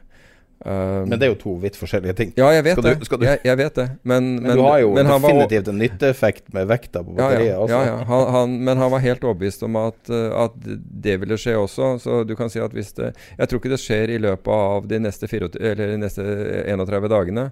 Um, så, så, hvis jeg bare Så det kan godt hende at jeg i hvert fall vinner den første delen av dette veddemålet. Den andre med, med to år har vi ikke veddet på, så men, men, hvis du eh, bare Altså Berkshire Hathaway, altså Warren Buffetts selskap, hvis vi sammenligner Tesla med det, for det så jeg noen gjøre her forleden dag Ja, de er mer verdt høyere markedsverdi. Ja, du kan si at uh, uh, Ja, altså Tesla er nå høyere marks, markedsverdi enn Berkshire Hathaway. Og salgene til Tesla er 28 milliarder, og Berkshire Hathaway har salg som er ti ganger så, så, så høye. Altså eller si 279 milliarder dollar i, i, i, i salg. Og hvis du ser på, på net income, Tesla 500, altså 556 millioner. Berkshire Hathaway 36 milliarder begge dollar. Og 500 millioner som da er utelukkende basert på salg av uh, Nesten utelukkende remit, ja, disse, ja. disse CO2-sertifikatene. Uh, og så har, du, så har, du, free cashflow. Tesla har 1,8 milliarder dollar, mens Berkshire Hathaway har 27 milliarder dollar og Tesla har vært mer. Men, men alt, alt, handler jo om vekst, ikke sant? Altså det er bare at det, det, skal aldri, det skal bare akselerere. Det er ikke noen sjanse for at dette her stopper. Så Men, men klarer du Nå har du hørt noen eh, Noen seriøse og noen useriøse argumentasjoner. Er det noen måte å si at Altså det var en gang uh, Det var en kar Jeg skal ikke si at det var jeg som fant det på sjøl, men de sier liksom at ting svinger. Det Pendelen går alltid fram og tilbake. Men av og til så finner man opp bilen, og så er det ingen hester der. og, og da, da ja. bare Den bare svinger aldri tilbake. Ja. Uh, og så kan man si Fins det noen måter å si at, at noe sånt har skjedd, og derfor må vi ta helt andre metriker for å, for å rasjonalisere at Tesla er verdt 5000 milliarder ja. uh, kroner. Men da går du tilbake til, til ny og gammel økonomi. Det samme som vi, vi uh, opplevde da i, i, 2000, hvor man mente at det var en ny økonomi, og den nye økonomien besto av klikk og hadde ikke noe med inntjening å gjøre. Og jeg mente at, uh, at du måtte tjene penger. Og jeg, jeg, vet jeg har fortalt denne her i en podkast tidligere, men jeg sto i Stavanger og jeg holdt en foredragsserie hvor det, som het da 'Økonomi er lik økonomi'. Jeg, ikke, jeg, mente at det fantes egentlig ikke en ny økonomi og en gammel økonomi. kan vi si at Senere så har det vel dukket opp en ny økonomi, eller i hvert fall, i hvert fall en mer, mer databasert økonomi. Men jeg sto og da holdt dette foredraget i Stavanger, øh, og, og, utenfor Stavanger, et eller annet sted mellom Stavanger og Sola. Og så og så, det, og så, er det, en kar som rekker opp hånden under, under uh, spørsmål og svar. Og så sier han, han sier problemet ditt er at du, du, forstår ikke, du, du, forstår ikke, den nye økonomien. Og så sa jeg det, det har du helt rett i, jeg gjør ikke det. Men hvis du klarer enkelt å forklare den for meg, så er jeg lutter øre hvis, hvis, du klarer å overbevise meg. Og så sier han at ja, men det, det handler om klikk. Det handler om antall klikk på, altså på webside. Og han her hadde en webside. Så sa jeg da regner jeg med at du har mange klikk på den websiden. Og det hadde han. Han hadde veldig mange klikk. Jeg husker ikke hvor mange det var, men det er et imponerende antall. Så sa jeg vet du hva, du, kan, du kan bevise dette for meg her og nå. For bare noen hundre meter borti veien her så så jeg at det var en bilforhandler som skulle holde oppe i kveld. Hvis du tar med deg den laptopen du har, og går bort der og bytter de klikkene dine mot en bil og kommer tilbake med den, så har du overbevist meg at det fins en, en, ny økonomi, en økonomi som ikke jeg, som du helt riktig påpeker, jeg ikke forstår. Men hvis du ikke klarer å gjøre det, så er beklager, så er, da er økonomi lik økonomi for meg. Og da husker jeg at han, selv han begynte da liksom å tenke over Nja, nei, han trodde ikke han kunne gjøre det. Altså, det hadde en verdi, men han forsto plutselig at den var kanskje ikke realiserbar på den måten, da. Så du kan si at med mindre vi begynner å tenke økonomi på en helt annen måte, så skal det noe til å forsvare en, en pris som er 1180 ganger altså årets inntjening. Det, for meg det, det, er hinsides, men av og til er markedene hinsides. Og du har spurt meg flere ganger liksom under denne veien. Jeg var short to ganger, og det var jo helt nede der fra 300 til 200 og rundt det 300-området. Um, gjennom opsjoner. Og om jeg shorter eh, Tesla nå, og, og svaret har vært at jeg ikke har gjort det. Og det er rett og slett fordi det er, altså, jeg har funnet det er enklere måter å tjene penger på. Altså, med andre ord mindre risikable måter å tjene penger på enn å gå mot, mot, mot Tesla. På et eller annet tidspunkt så, så, klarer man sikkert ikke å holde fingrene unna. Og så, og jeg vet ikke om det er i dag eller om det er om et halvt år eller hva som helst. Men det er klart at man kan gjøre det gjennom opsjoner med en begrenset risiko, fordi det er et veldig aktivt opsjonsmarked i, i Tesla. Så det er absolutt mulig å gjøre. Det er ikke sånn at, kan, at man skal avskrive det. Men, men, jeg ville gjøre det på en måte hvor Tross alt her er det en fyr som har gått ut og, og, og løyet bl.a. om det der kjøpet til uh, at, at Saudi-Arabia var villig til å, å, å, gi ham pengene til å kjøpe ut Tesla fra børs på 420 dollar aksjen. Uh, så du, du, vet jo aldri hva denne fyren finner på. Altså Han er sikkert genial, men, han, men han, han, er ikke helt troverdig i alt han gjør. Slik at du har en sånn risiko rundt rundt det. Og det gjør at hvis jeg skal jeg ha en short posisjon på det, så vil jeg definitivt ta den gjennom opsjoner, hvor jeg ikke har en uendelig uhyggelig og, uh, uh, tapsmulighet mot meg. ikke sant? Det at plutselig kommer en ny, ny, ny slik melding. Fordi dette er en aksje som som hopper på en, på, en, på, en, på en, sånn nyhet, om den er riktig eller ikke, så kan du garantere at disse Robin Hood-følgerne vil suse inn i, i, til hvilken som helst pris. Men det var en som spurte hva skjer nå rundt dette med at eh, Tesla blir nå inkludert i SMP 500, altså som er den store, brede, mest kjente amerikanske aksjeindeksen. Hvordan foregår det? Altså Betyr det at den dagen så kommer man inn og så skal man kjøpe det, det, antall aksjer? Det vil jo få kursen til å gå helt vanvittig. For det er jo mange som har kjøpt i forkant av dette. Og Da kan jeg bare si hvordan dette her normalt har foregått. og det er at fondene, fordi de som må kjøpe, er indeksfond. Andre kan velge aktive forvaltere, kan velge eh, om de vil eller ikke. De fleste vil vel antageligvis ikke tørre, men de aktive forvaltere trenger ikke å vente til den kommer inn i indeksen. De kan begynne å gjøre noe før. Men allerede uh, ved denne diskusjonen tidligere så så vi effekter av dette her. at at uh, den, den, ble kjøpt på denne spekulasjonen. Og jeg vil anta at slik det har vært tidligere, at investeringsbanker tilbyr seg, altså tar kontakt med fondet og sier vi kan håndtere den, den, den, uh, allokeringen for deg. Og, og, det har vært så attraktivt for bankene å drive med at istedenfor at fondene betaler kurtasje til bankene, investeringsbankene, så har investeringsbankene betalt kurtasje til fondene for å få lov til å, å, å drive med dette her. Så du kan si at dette er front-running. altså ingen som betaler for å tape penger. Så Lehman Brothers var den første som betalte for denne flowen. Dette var ved rebalansering eh, av, av indekser. Fordi du visste hva som skulle skje. Og så, det, så utnyttet du nettverket ditt og, og, kunnskap om trading til å ta posisjoner i forkant. Mm. Så de som gjør det på, på, den måten, de vet jo at veldig mange forventer at man skal gjøre De vil gradvis f.eks. kjøpe seg opp i, i, i, forkant, fordi de vet jo at disse aksjene skal kjøpes på et eller annet tidspunkt. Og det er da spørsmålet å levere det på, på, på en, en, pris som er fornuftig på det, det, tidspunktet. Så dette gjøres delvis algoritmisk nå, kan jeg tenke meg. At jeg, jeg, tipper at algoritmer er i gang med det allerede, og liksom for, forsøke å, å, å, å er i markedet og ja, det her var en veldig uheldig utvikling for podkasten. Um, du som lytter vet kanskje ikke helt hva jeg snakker om, men uh, uh, vi har holdt det gående her nå så mye at vi måtte tømme en harddisk. Og så um, tok vi opp 45 minutter. Uh, ytterligere 45 minutter. Og så var det en knapp som ikke hadde blitt trykka inn, som aldri må trykkes inn, eller et eller annet sånt. Uansett. Det er fortapt. Så det var en lang eh, diskusjon om eh, tre ting, da. Eh, så vi kan gjøre en litt kortere versjon av det for å runde av eh, ordentlig. Eh, så Peter har fått spørsmål fra en lytter om han eh, Hvorfor han er skeptisk til å nakne opsjoner. Altså uten å være hedga.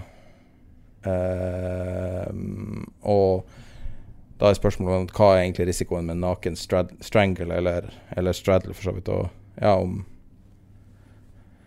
uh, om det en, går an å være en god strategi noen gang. Så jeg beklager å ta det her igjen, altså, men uh, det her var teknologien. Vi får bare kjøre på. Altså, jeg gruer meg i fire år til at en eller annen gang så kom et opptak til å bli uh, forkrøpla på et eller annet vis. Og nå skjedde det.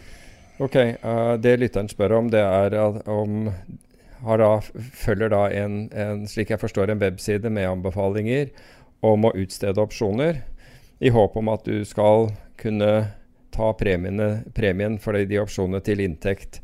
Og er risikoen egentlig så høy dersom uh, du er klar til å at du f.eks. har en, en, en stopplås hvis, uh, hvis den opsjonspremien uh, la stiger to eller tre ganger det du har, det du har solgt den for, så kjøper du tilbake igjen. Um, så for det første så Hvis vi utsteder opsjoner, og, jeg går ut fra at dette er straddles eller strangles, altså med andre ord utsteder kjøpsopsjon og salgsopsjon samtidig, Eh, der hvor markedet er, eller en kjøpsopsjon eh, som, er, som, har en innløsningskurs over markedet, og en salgsopsjon som har en innløsningskurs under markedet i øyeblikket. Det kalles en, en, strangle. Litt mindre risikabel, men du får inn mindre premie. Så hva er egentlig risikoen her? Og risikoen Altså, jeg har gjort dette altså Som marketmaker så gjorde du dette hele tiden. Du kjøpte og utstedte opsjoner hele tiden og tenkte egentlig ikke på det, fordi det, det handlet kun om pris. men du fulgte hele tiden med på det vi kaller grekerne, altså om du er, om du er veldig netto short-premie, eller, uh, eller, eller hvordan, hvordan, boken din er. For det, det, du gjør ved å utstede opsjoner, er å opptre som et forsikringsselskap. Du får inn en liten premie, men du tar en mye høyere risiko. Slik at det du får inn, og det du eventuelt kan tape, det, det, Du kan ikke si at det er et misforhold fordi du blir betalt for det, men du kan tape uendelig mye mer enn du tjener på en, på en sånn uh, strategi. Og Da er det også viktig å forstå hva du er utsatt for. Det er ikke bare at kursen beveger seg voldsomt mye mer enn du tror. Altså kursen på det underliggende beveger seg voldsomt mye mer enn du tror. Det kan være at volatiliteten i markedet, altså folks oppfatning av risiko, øker. F.eks. For eh, forut for eh, valget i USA nå, så eh, var oppfatningen til clearinghusene at dette kunne bli dette kunne bli veldig usikkert, og de krever da plutselig inn mye mer sikkerhet. Så la oss si at du har, at du har stilt med 100 000 kroner da, for eksempel, i, eh, bare for å ta et tall, som sikkerhet for, for den utstedelsen av disse opsjonene. Så uten at markedet har flyttet seg, så blir du bedt om Uh, og Dette gikk gradvis over noen dager, men, men blir du bedt om 200 000 kroner så, så, her har det ikke engang flyttet seg, og du er nødt til å, å, å, putte opp mye mer penger. Så sånne ting kan skje. Så du kan si du er utsatt, en annen ting du er utsatt for, det er likviditet. Hvis likviditeten i markedet faller, så vil kjøper- og selgerkursen på, på, opsjoner også vie seg ut. Så la oss si at de vier seg voldsomt ut, så da må du betale veld, veldig mye mer. Så istedenfor at du, du, håper at du kan dekke deg hvis, premie, hvis, premie, altså hvis du ser en omsetning som er 100 høyere enn det, det, du har fått inn, men la oss si at der er kjøperen, og selgekursen er vesentlig høyere enn det, så der tar du risiko. Du tar risiko på når, når, markedet er stengt, med andre ord på natten eller i helger hvor du ikke kan hedge deg. Risikoen, er, risikoen der er at det, det, skjer en eller annen nyhet. Hvis, det, hvis du utsteder opsjoner på, på, et selskap, så kan det være selskapsspesifikt. Eller hvis det er en indeks, så kan det være en internasjonal nyhet som gjør at markedet åpner et helt annet sted dagen etter. Så poenget mitt er at ja, du kan drive med Dette er en form for risikosport. Og jeg er ikke fremmed for å drive med risikosport, men du må virkelig vite hvordan du skal forholde deg hvis de forskjellige tingene skjer. Fordi det kan være at du, du får ikke dekket deg i det hele tatt der du, du tror du skal uh, kunne dekke deg. Og hva gjør du da? Hva er det du gjør? Fordi det som kommer til å skje, er at du får et, det vi kaller et margin call at uh, clearinghuset tar kontakt med megleren din, som tar kontakt med deg og sier at vi må ha mye mer penger, dette er mye mer risikofylt, det har flyttet seg. Og, og, det gjør at handlingsrommet ditt blir vesentlig redusert. Og, og, grunnen til å gjøre det her i stedet for å kjøpe opsjoner, er for å plukke opp premien? ikke sant? Ja, det er for å plukke opp premien. Og det er jo de som systematisk driver, driver, med dette her, men det er også de som systematisk går til helvete eh, innimellom. Og vi har en, en, en, nordmann som jobbet i et meglerselskap, og som, som, ikke gjør det lenger, men som stadig setter opp eh, sånne eh, eh hva heter det, innretninger hvor han inviterer med investorer. Og jeg vet ikke hvor mange ganger dette har gått galt, og det gikk garantert galt under covid i, i mars-april også hvor han blakker folk på, på, dette. Det er ikke det som er meningen hans. Meningen hans er, er, å få en andel av gevinsten de gangene det går bra. Men det har da skjedd et antall ganger at dette har gått helt til helvete. Uh, og det er helt utrolig at vedkommende kan, kan, fortsette å drive med dette her, men allikevel.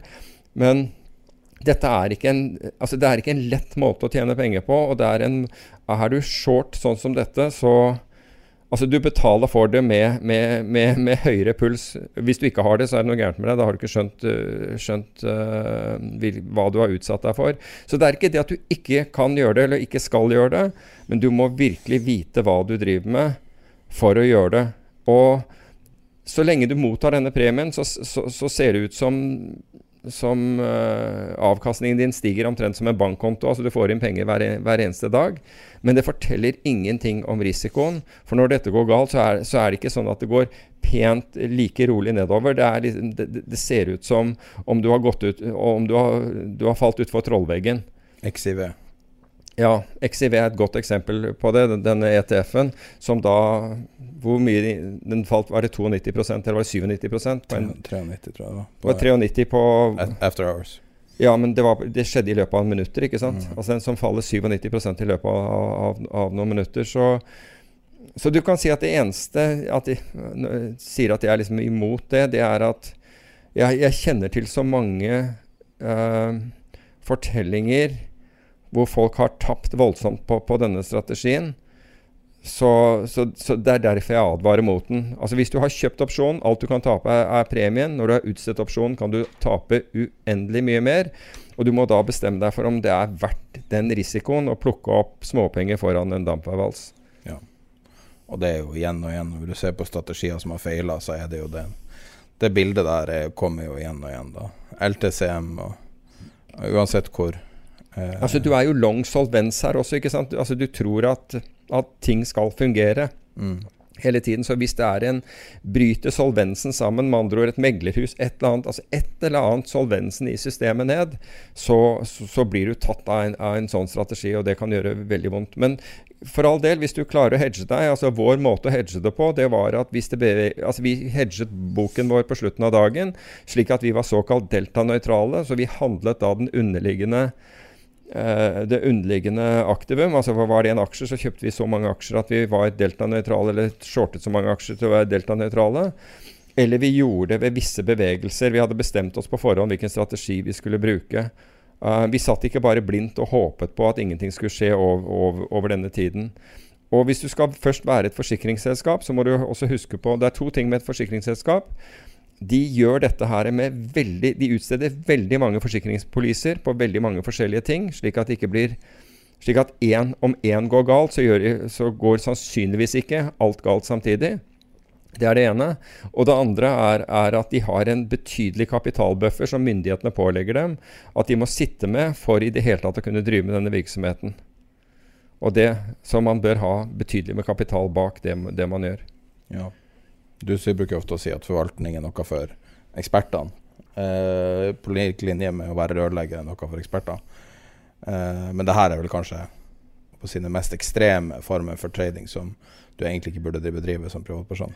Altså, du må virkelig følge med og vite hva du driver med. Så du må, du må kunne matematikken, forstå, og du må kunne markedene og vite når du Altså vite at visse tider på døgnet og, visse, og, i løpet av en helg, så kan du ikke hedge deg. Du må hedge deg før, før uh, markedet stenger. Uh, hvis du skal, skal, hedge deg. Du har, altså, du har det, De timene eller de, de dagene er, er usikkerhet. Mm. Og du vet, ikke, du vet ikke utfallet. Få et til spørsmål eh, som er litt i samme gate. da. Folk er jo interessert i ting som er veldig spekulerende. det, er mye, det, det er veldig i vinden akkurat nå. Um, og da er det en som uh, sendte melding til både meg og deg om at aksjer som er ned, som er grusa gjennom året, ned 97, 98, 99% Han bruker um, blant Norwegian som eksempel, og uh, Bård Drilling og, og, diverse andre uh, årstapere, om det kan lønne seg å, å kjøpe slike aksjer jeg vet ikke om, om man mener nær jul, om man, om man, tenker på det som sånn, såkalte nyttårsraketter, men uh. Ja, jeg, jeg, tror at han mente Fordi han nevner at, at, de kan gå tilbake til der de var. Altså Hvis du skal gå tilbake til toppen av det, det, det de var. Sjelden gjør de det, for, jeg, for å si det mildt. Uh, og Eh, jeg skjønner hvor dette kommer fra, fordi eh, du hører stadig, og dette er vel Verdipapir for Fondets forening som har, satt ut at det, det, i hvert fall, De har jo ikke gjort dette ordrett, men de mener jo at hvis du sitter på aksjer over tid, så, så, så taper man ikke penger.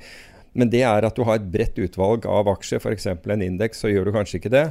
Men i disse tilfellene så, så, plukker du opp enkeltaksjer som er virkelig skadeskutt. Og ser du på Norwegian Jeg, jeg tror det er utenkelig at Norwegian det er helt feil å si utenkelig, for det er en liten liten mulighet for at Norwegian skal stige tilbake til det var. Den er syltynn, og du har, en, du har noe sånn som 50 milliarder i, i, eh, kroner i gjeld mellom deg og at, skal, eh, at, at, at selskapet skal komme, komme, i nærheten av det, eller i det hele tatt bare bli lønnsomt.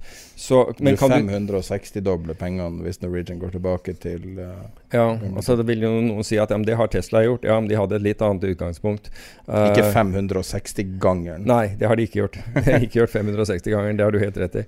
Men, men, du kan si at kan du trade Norwegian? Ja, for all del kan du gjøre det. Altså, det blir som å trade opsjoner, fordi det er, det er, sånn de beveger seg. ikke sant? Altså I forrige uke så hadde vi en dag hvor Norwegian gikk opp 60% for å så falle tilbake igjen. Og så tror jeg vi endte eh, opp noe sånn som 27% den dagen, og falt nesten tilsvarende dagen etter. Og nå er vi lavere enn det, det den var der. Så, så, du kan si at du kan trade dette, men jeg ville ikke investert i dette og, og, i håp, i hvert fall ikke i Norwegian med den gjelden, i håp om å få dette, dette tilbake, komme tilbake til liksom, toppunktet for, for Norwegian. Det, det, tror jeg er kjørt. Du kan, altså, hvis du er villig til å hoppe inn i Norwegian i håp om at det kommer inn eh, gribbeinvestorer, altså virkelig flinke hedgefond som enten er villig til å være med på omstrukturering og tro på at uh, Norwegian er verdt noe, som kommer til å være tøffe både mot ledelse, mot kreditorer, mot, uh, uh, mot alle, det er én ting. Ikke minst mot bankene. Det, det er én ting. Hvis du liksom tror at det skal skje, så er jo selvfølgelig Det er mulig fordi Uh, lignende type investor har gått inn i andre flyselskaper og, og, er i gang med det nå. Men de andre flyselskapene har ikke en så dårlig gjeldssituasjon, altså en så høy gjeld i forhold til, i, i, i forhold til uh, inntjening som uh, Norwegian. Det er verdt å tenke på. Det andre du kan håpe og, og tro på, det er det, dette kravet som selskapet har mot Boeing, som de ikke har klart å gjøre en, en puck med hittil. Det er ikke blitt en, en, et øre ut av det, eller en dollar kan, der kan det også kanskje være snakk om nå, nå, er ikke, nå, er ikke dette noe jeg vet, men jeg ser, bare ser en mulighet. At, uh, at, fond som er spesialister i å kjøpe opp krav eller å være med på denne type krav, altså med andre ord de har et kobbel av advokater Det er, det er ikke vanlige finansfolk som jobber der, det er, det er folk med, med, høy juridisk kompetanse. Som da kan være med i et søksmål mot, uh, mot uh, Boeing og kanskje få noe ut av det det, altså det er sånne ting du spekulerer Så Norwegian kan selge kravet sitt? Ja, altså, og, og, det er i hvert fall hvis det går i USA, så kan du du definitivt gjøre det. Så det kan være at de bare rett og slett kjøper opp det, det kravet og kjører saken selv. Så Det må så, jo være hensiktsmessig å gjøre? Kan være, fordi Norwegian er i den situasjonen det er. Fordi altså, altså I forhold til at de ikke får gjort en ting med dette her, og muligens gå konkurs imellom, så er det definitivt det. Hvor mye penger er det snakk om totalt? Det vet jeg ikke. Ja, det er jo snakk om mange milliarder. Hva sier du? Jeg tror det er milliarder. Totalt. Ja, det, definitivt. Altså, nå vet jeg ikke om det tallet fem milliarder, om, om, jeg har det fra et eller annet sted, men jeg tror det er noe sånt nå. Så det er et betydelig beløp man kan få ut av det. Men som sagt, jeg har ikke noe kunnskap om at det, det pågår. Jeg bare ser at det, det kan være en mulighet. Eller så kan du som sagt drive og trade dette frem og tilbake hvis du har noen gode, gode indikatorer for når dette her går opp og ned. Det, altså jeg har heller ikke det, bare, bare, bare, så det er sagt. Når det gjelder Borr, som, som også ble nevnt av uh, av vedkommende som stiller spørsmålet, så er det jo en litt annen sak. I dag har jo Bård kommet med, med, med, tall som da viser i hvert fall at de tapte mindre i, uh, i, uh, i, i, tredje kvartal, men fortsatt er ned. Men det som ingen har snakket om, av en eller annen grunn, og det gjorde de ikke forrige gang heller, det er at Borr faktisk betjener gjelden sin. Ulikt Norwegian, som ikke er i stand til å betale tilbake verken renter eller, eller avdrag eller noe. Nå er jo avdragene flyttet ut i tid. Uh, så betjente uh, Borr gjelden sin i, i, mars, tror jeg det var, og de gjorde det samme i forrige uke. De betalte nemlig renter. Så det, det er litt interessant at, uh, at de pressen som som hyllet Trøim til å begynne med, og som har vært liksom, de som har kjørt mest mot han når han har hatt motgang, de overser fullstendig det at det selskapet faktisk uh, betjener gjelden sin. At, men at Borr har problemer, det er ingen tvil om. Men Borr har også steget jeg tror det var 100% eller over 100 siste, siste måned. Så det er opplagt muligheter i den aksjen. Jeg kjøper ikke og selger disse aksjene, verken Norwegian eller, eller, eller har i hvert fall ikke gjort det. E-, eller... Eller Bård, bare så det, eh, det er sagt. Men, eh, men, at det er en større sannsynlighet men Jeg vil ikke si at den er, er stor, men det er en større sannsynlighet at, at et selskap som er i stand til å betjene gjelden sin, kan komme tilbake igjen hvis markedet blir bedre, enn et, enn et annet selskap hvor, hvor, hvor, uh, hvor, problemene bare tårner seg opp hver eneste dag som, som er. Oljemarkedet er blitt bedre. Uh, vi har nevnt dette med uh, rigger i, i, i arbeid der har begynt å stige fra et veldig lavt nivå, riktignok. Men det har i hvert fall vært noe positivt i, i det. Og så får vi se hva det OPEC-møtet som var i helgen, og som da, hvor de fortsetter samtaler i dag mandag, hva de blir enige om når det gjelder produksjonskutt videre. Um, for det, altså, den innvirkningen det har på oljemarkedet. fordi er du selvfølgelig i riggbransjen og oljeservicebransjen, så er du, er du, avhengig av oljemarkedet. Ja. På grunn av at, uh, at uh, det ikke ble tatt opp den siste biten i stad, uh, så ble vi sittende her til bitcoin traff ny topp. Ja. Og euro-dollar over 1,20. To veldig historisk signifikante ting. Ja. Ikke at de har noe signifikans. Uh, sånn sett, altså tallene er bare et tall. Men uansett, 1,20 er et veldig, et veldig kjent nivå for euro-dollar og, Ja. og gamle toppen. Så hvis du kjøpte på toppen, så er du faktisk i pluss nå med bitcoin. Og det tror jeg ikke var så veldig mange som trodde for et par år, eller ett år tilbake. Nei, det er vel to år tilbake siden den nå. Nei, det tror, jeg- tror, tror heller ikke jeg. Og, men, men det er artig å se at Jeg tror det er tre år siden, ikke Er det ikke to? Men det, det er mulig at jeg tar Altså, det, det, det toppa ut rett etter årsskiftet for to år siden, var det ikke det? Um, men uansett, så Når det gjelder bitcoin, så er jo det Det som er interessant med bitcoin, det er jo at det er jo de færreste Altså de porteføljer Færreste porteføljer Selv om det er mange flere porteføljer som nå har det, og mange flere finansinstitusjoner som er er med, på, med i bitcoin, altså på en eller annen måte Fidelity, som gjør uh, custody, og en rekke store banker som, uh, så, som er med, så er det fortsatt veldig under-owned i forhold. Ja. Uh, og egentlig forholdsvis, forholdsvis lite oppmerksomhet på denne veien opp. Ja, mye mindre. Forrige gang så hadde vi veldig sånn forsideindikatoren, og du kunne se liksom at det her var retail-folk som kom til å tape. Absolutt. Um, bare, vi vi snakka jo ganske lenge om det i stad, så jeg ser, jeg ser du er veldig sliten. Jeg er sliten også. Uh, men uh, kan du ta litt kjapt det som skjedde i Iran nå i forrige uke, med at det var et attentat, regelrett attentat mot lederen av det iranske atomprogrammet? Ja, det var jo relativt sånn eh, Altså, man kan kalle det Jeg vet ikke om man skal kalle det sofistikert. Det har vært, kanskje vært mer sofistikert hvis bilen hans ble truffet av en, eh, en laserstyrt bombe, men det var ikke det som skjedde. Men det var jo eh, Etter, etter rapportene så var det et maskingevær som ble Som var fjernstyrt og montert i en pickup-truck eh, truck som sto ved siden av veien, som åpnet opp på denne bilen, som da var upansret. Eh, deretter så gikk da en veibombe, uh, og til, til, uh, totalt tolv angrepsmenn begynte da å pepre denne bilen. Uh, vedkommende ble jo da drept han, det, det verste var at de sa at han døde på sykehuset etterpå. Men uh, ja, Jeg er nesten vondt for å tro med alt det der. Men kona hans overlevde, og hun satt i bilen. Og det er jo nesten virkelig nesten utrolig å tro. Nei, bilen var ikke pansret. Nesten utrolig. Det var ikke pansret. Og ryktene går da at det, det, at det er høyst sannsynlig en, en statlig aktør, som det sies, uh, som, som står bak. Og iraneren er nok Kan man si noe ut fra metoden? Eh, nei, egentlig ikke. Ja, bare ut ifra at det er ja, ja. Du kan si at det var da amerikanerne drepte Soleimani med en, eh, med en eh, missil fra en drone, så var jo det ganske Ganske grafisk. Altså med andre ord at du, du er ikke i tvil om at hva, hva som har skjedd. Det er ikke noe som går stille for seg. Og denne her har i hvert fall ikke gått stille for seg. Så dette er jo en dette er jo både skremsel altså I tillegg til at man tar ut eh, en, en, en viktig eh, person i, i dette i, eh, i anrikningsprogrammet til Iran, så, så gjør man det jo på en måte altså man gjør det da på en måte som Man har ikke så veldig antageligvis ikke så Man skjønner at man er sårbar hvis man, man, man holder på med dette. Det er det ene. Og så er det den, den, den splashen dette her er. altså På alle måter. Det var, ikke, var unintended pun, fordi det lå jo mengder av blod i veibanen. Um, det så ikke pent ut der. Uh, så er jo dette gjort altså, som en Det er jo en voldsom markering. og dette, De kunne jo selvfølgelig ha, ha gjort dette på en annen måte, men velger å gjøre det på en veldig ja, La oss kalle det offentlig måte. da. Mm. Så det, det er neppe tilfeldig.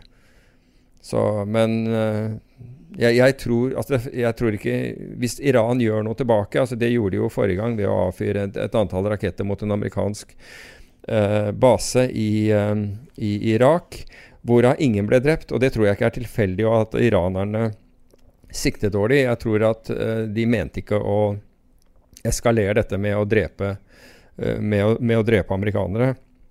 Jeg tror heller ikke at denne gangen at de går til full frontal på, på noe som helst. Men man skal ikke undervurdere iranerne, for de har denne revolusjonsguiden og KUD-styrken, som er spesialstyrkene til, eh, til revolusjonsguiden, som allerede er godt trente, trente soldater. Så at det vil bli en eller annen form for for uh, reaksjonen på dette. Det tror, jeg, det, det tror, jeg, nok det er. Men jeg, jeg, tror iranerne vokter seg vel for Altså, jeg tror at en, en det kan hende at den aktøren den, uh, som gjorde dette, som jeg, som jeg, mener er en statlig aktør, gjør, gjør, dette i håp om at iranerne gjør noe uh, hva heter det, overilet. Mm. Um, slik at man kan få med seg USA på laget her. Uh, jeg tror at iranerne er, er, er, smartere enn det, og antageligvis ikke vil, vil uh, få en sånn uh, amygdala-reaksjon på, på, dette her, men faktisk vil tenke seg om hva de, hva de skal gjøre.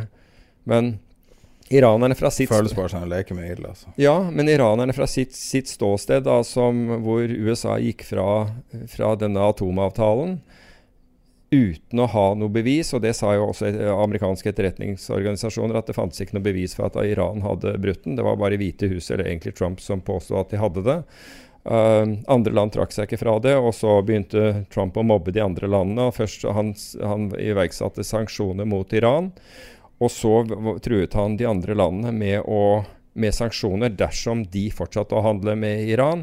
Så du kan si at jeg tror dette er et sårt punkt for Iran for iranerne. Jeg tror, jeg, jeg tror uten, uten, at jeg har vært i, i, i landet, uh, at, uh, at uh, de føler at de, de føler nok en, en, voldsom urettferdighet med, som, med, med, disse sanksjonene mot dem og, og den økonomiske nedturen som det har medført for, for landet, i tillegg til covid og alt det andre anspent situasjon. Det er interessant å høre perspektivet ditt. Jeg vet at du er sliten og vi må runde. Jeg ser det, du er tung i øynene. uh, så da fikk vi en halvtime ekstra her etter den lengste Det var faktisk den lengste episoden vi hadde hatt Oi. i forkant av det. Og var det det?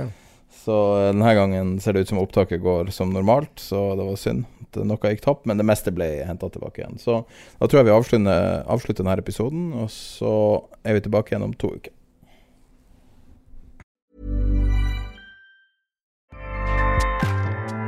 ACAST powers the world's best podcasts. Here's a show that we recommend. The Real Housewives is a guilty pleasure for most, but if you're looking to not feel guilty about that pleasure, tune in to Everything Iconic with me, Danny Pellegrino, where I break down all the messy moments and behind the scenes antics of Bravo's popular franchise. And on Everything Iconic, I also interview celebrity guests like Kelly Ripa, Kiki Palmer, Drew Barrymore, Cameron Diaz, and more about their guilty pleasures, their past work, and so much more. So if you're pop culture obsessed and find yourself watching way too much reality TV like me, tune in to Everything Iconic with Danny Pellegrino wherever you listen to podcasts. ACAST helps creators launch, grow, and monetize their podcasts everywhere. ACAST.com.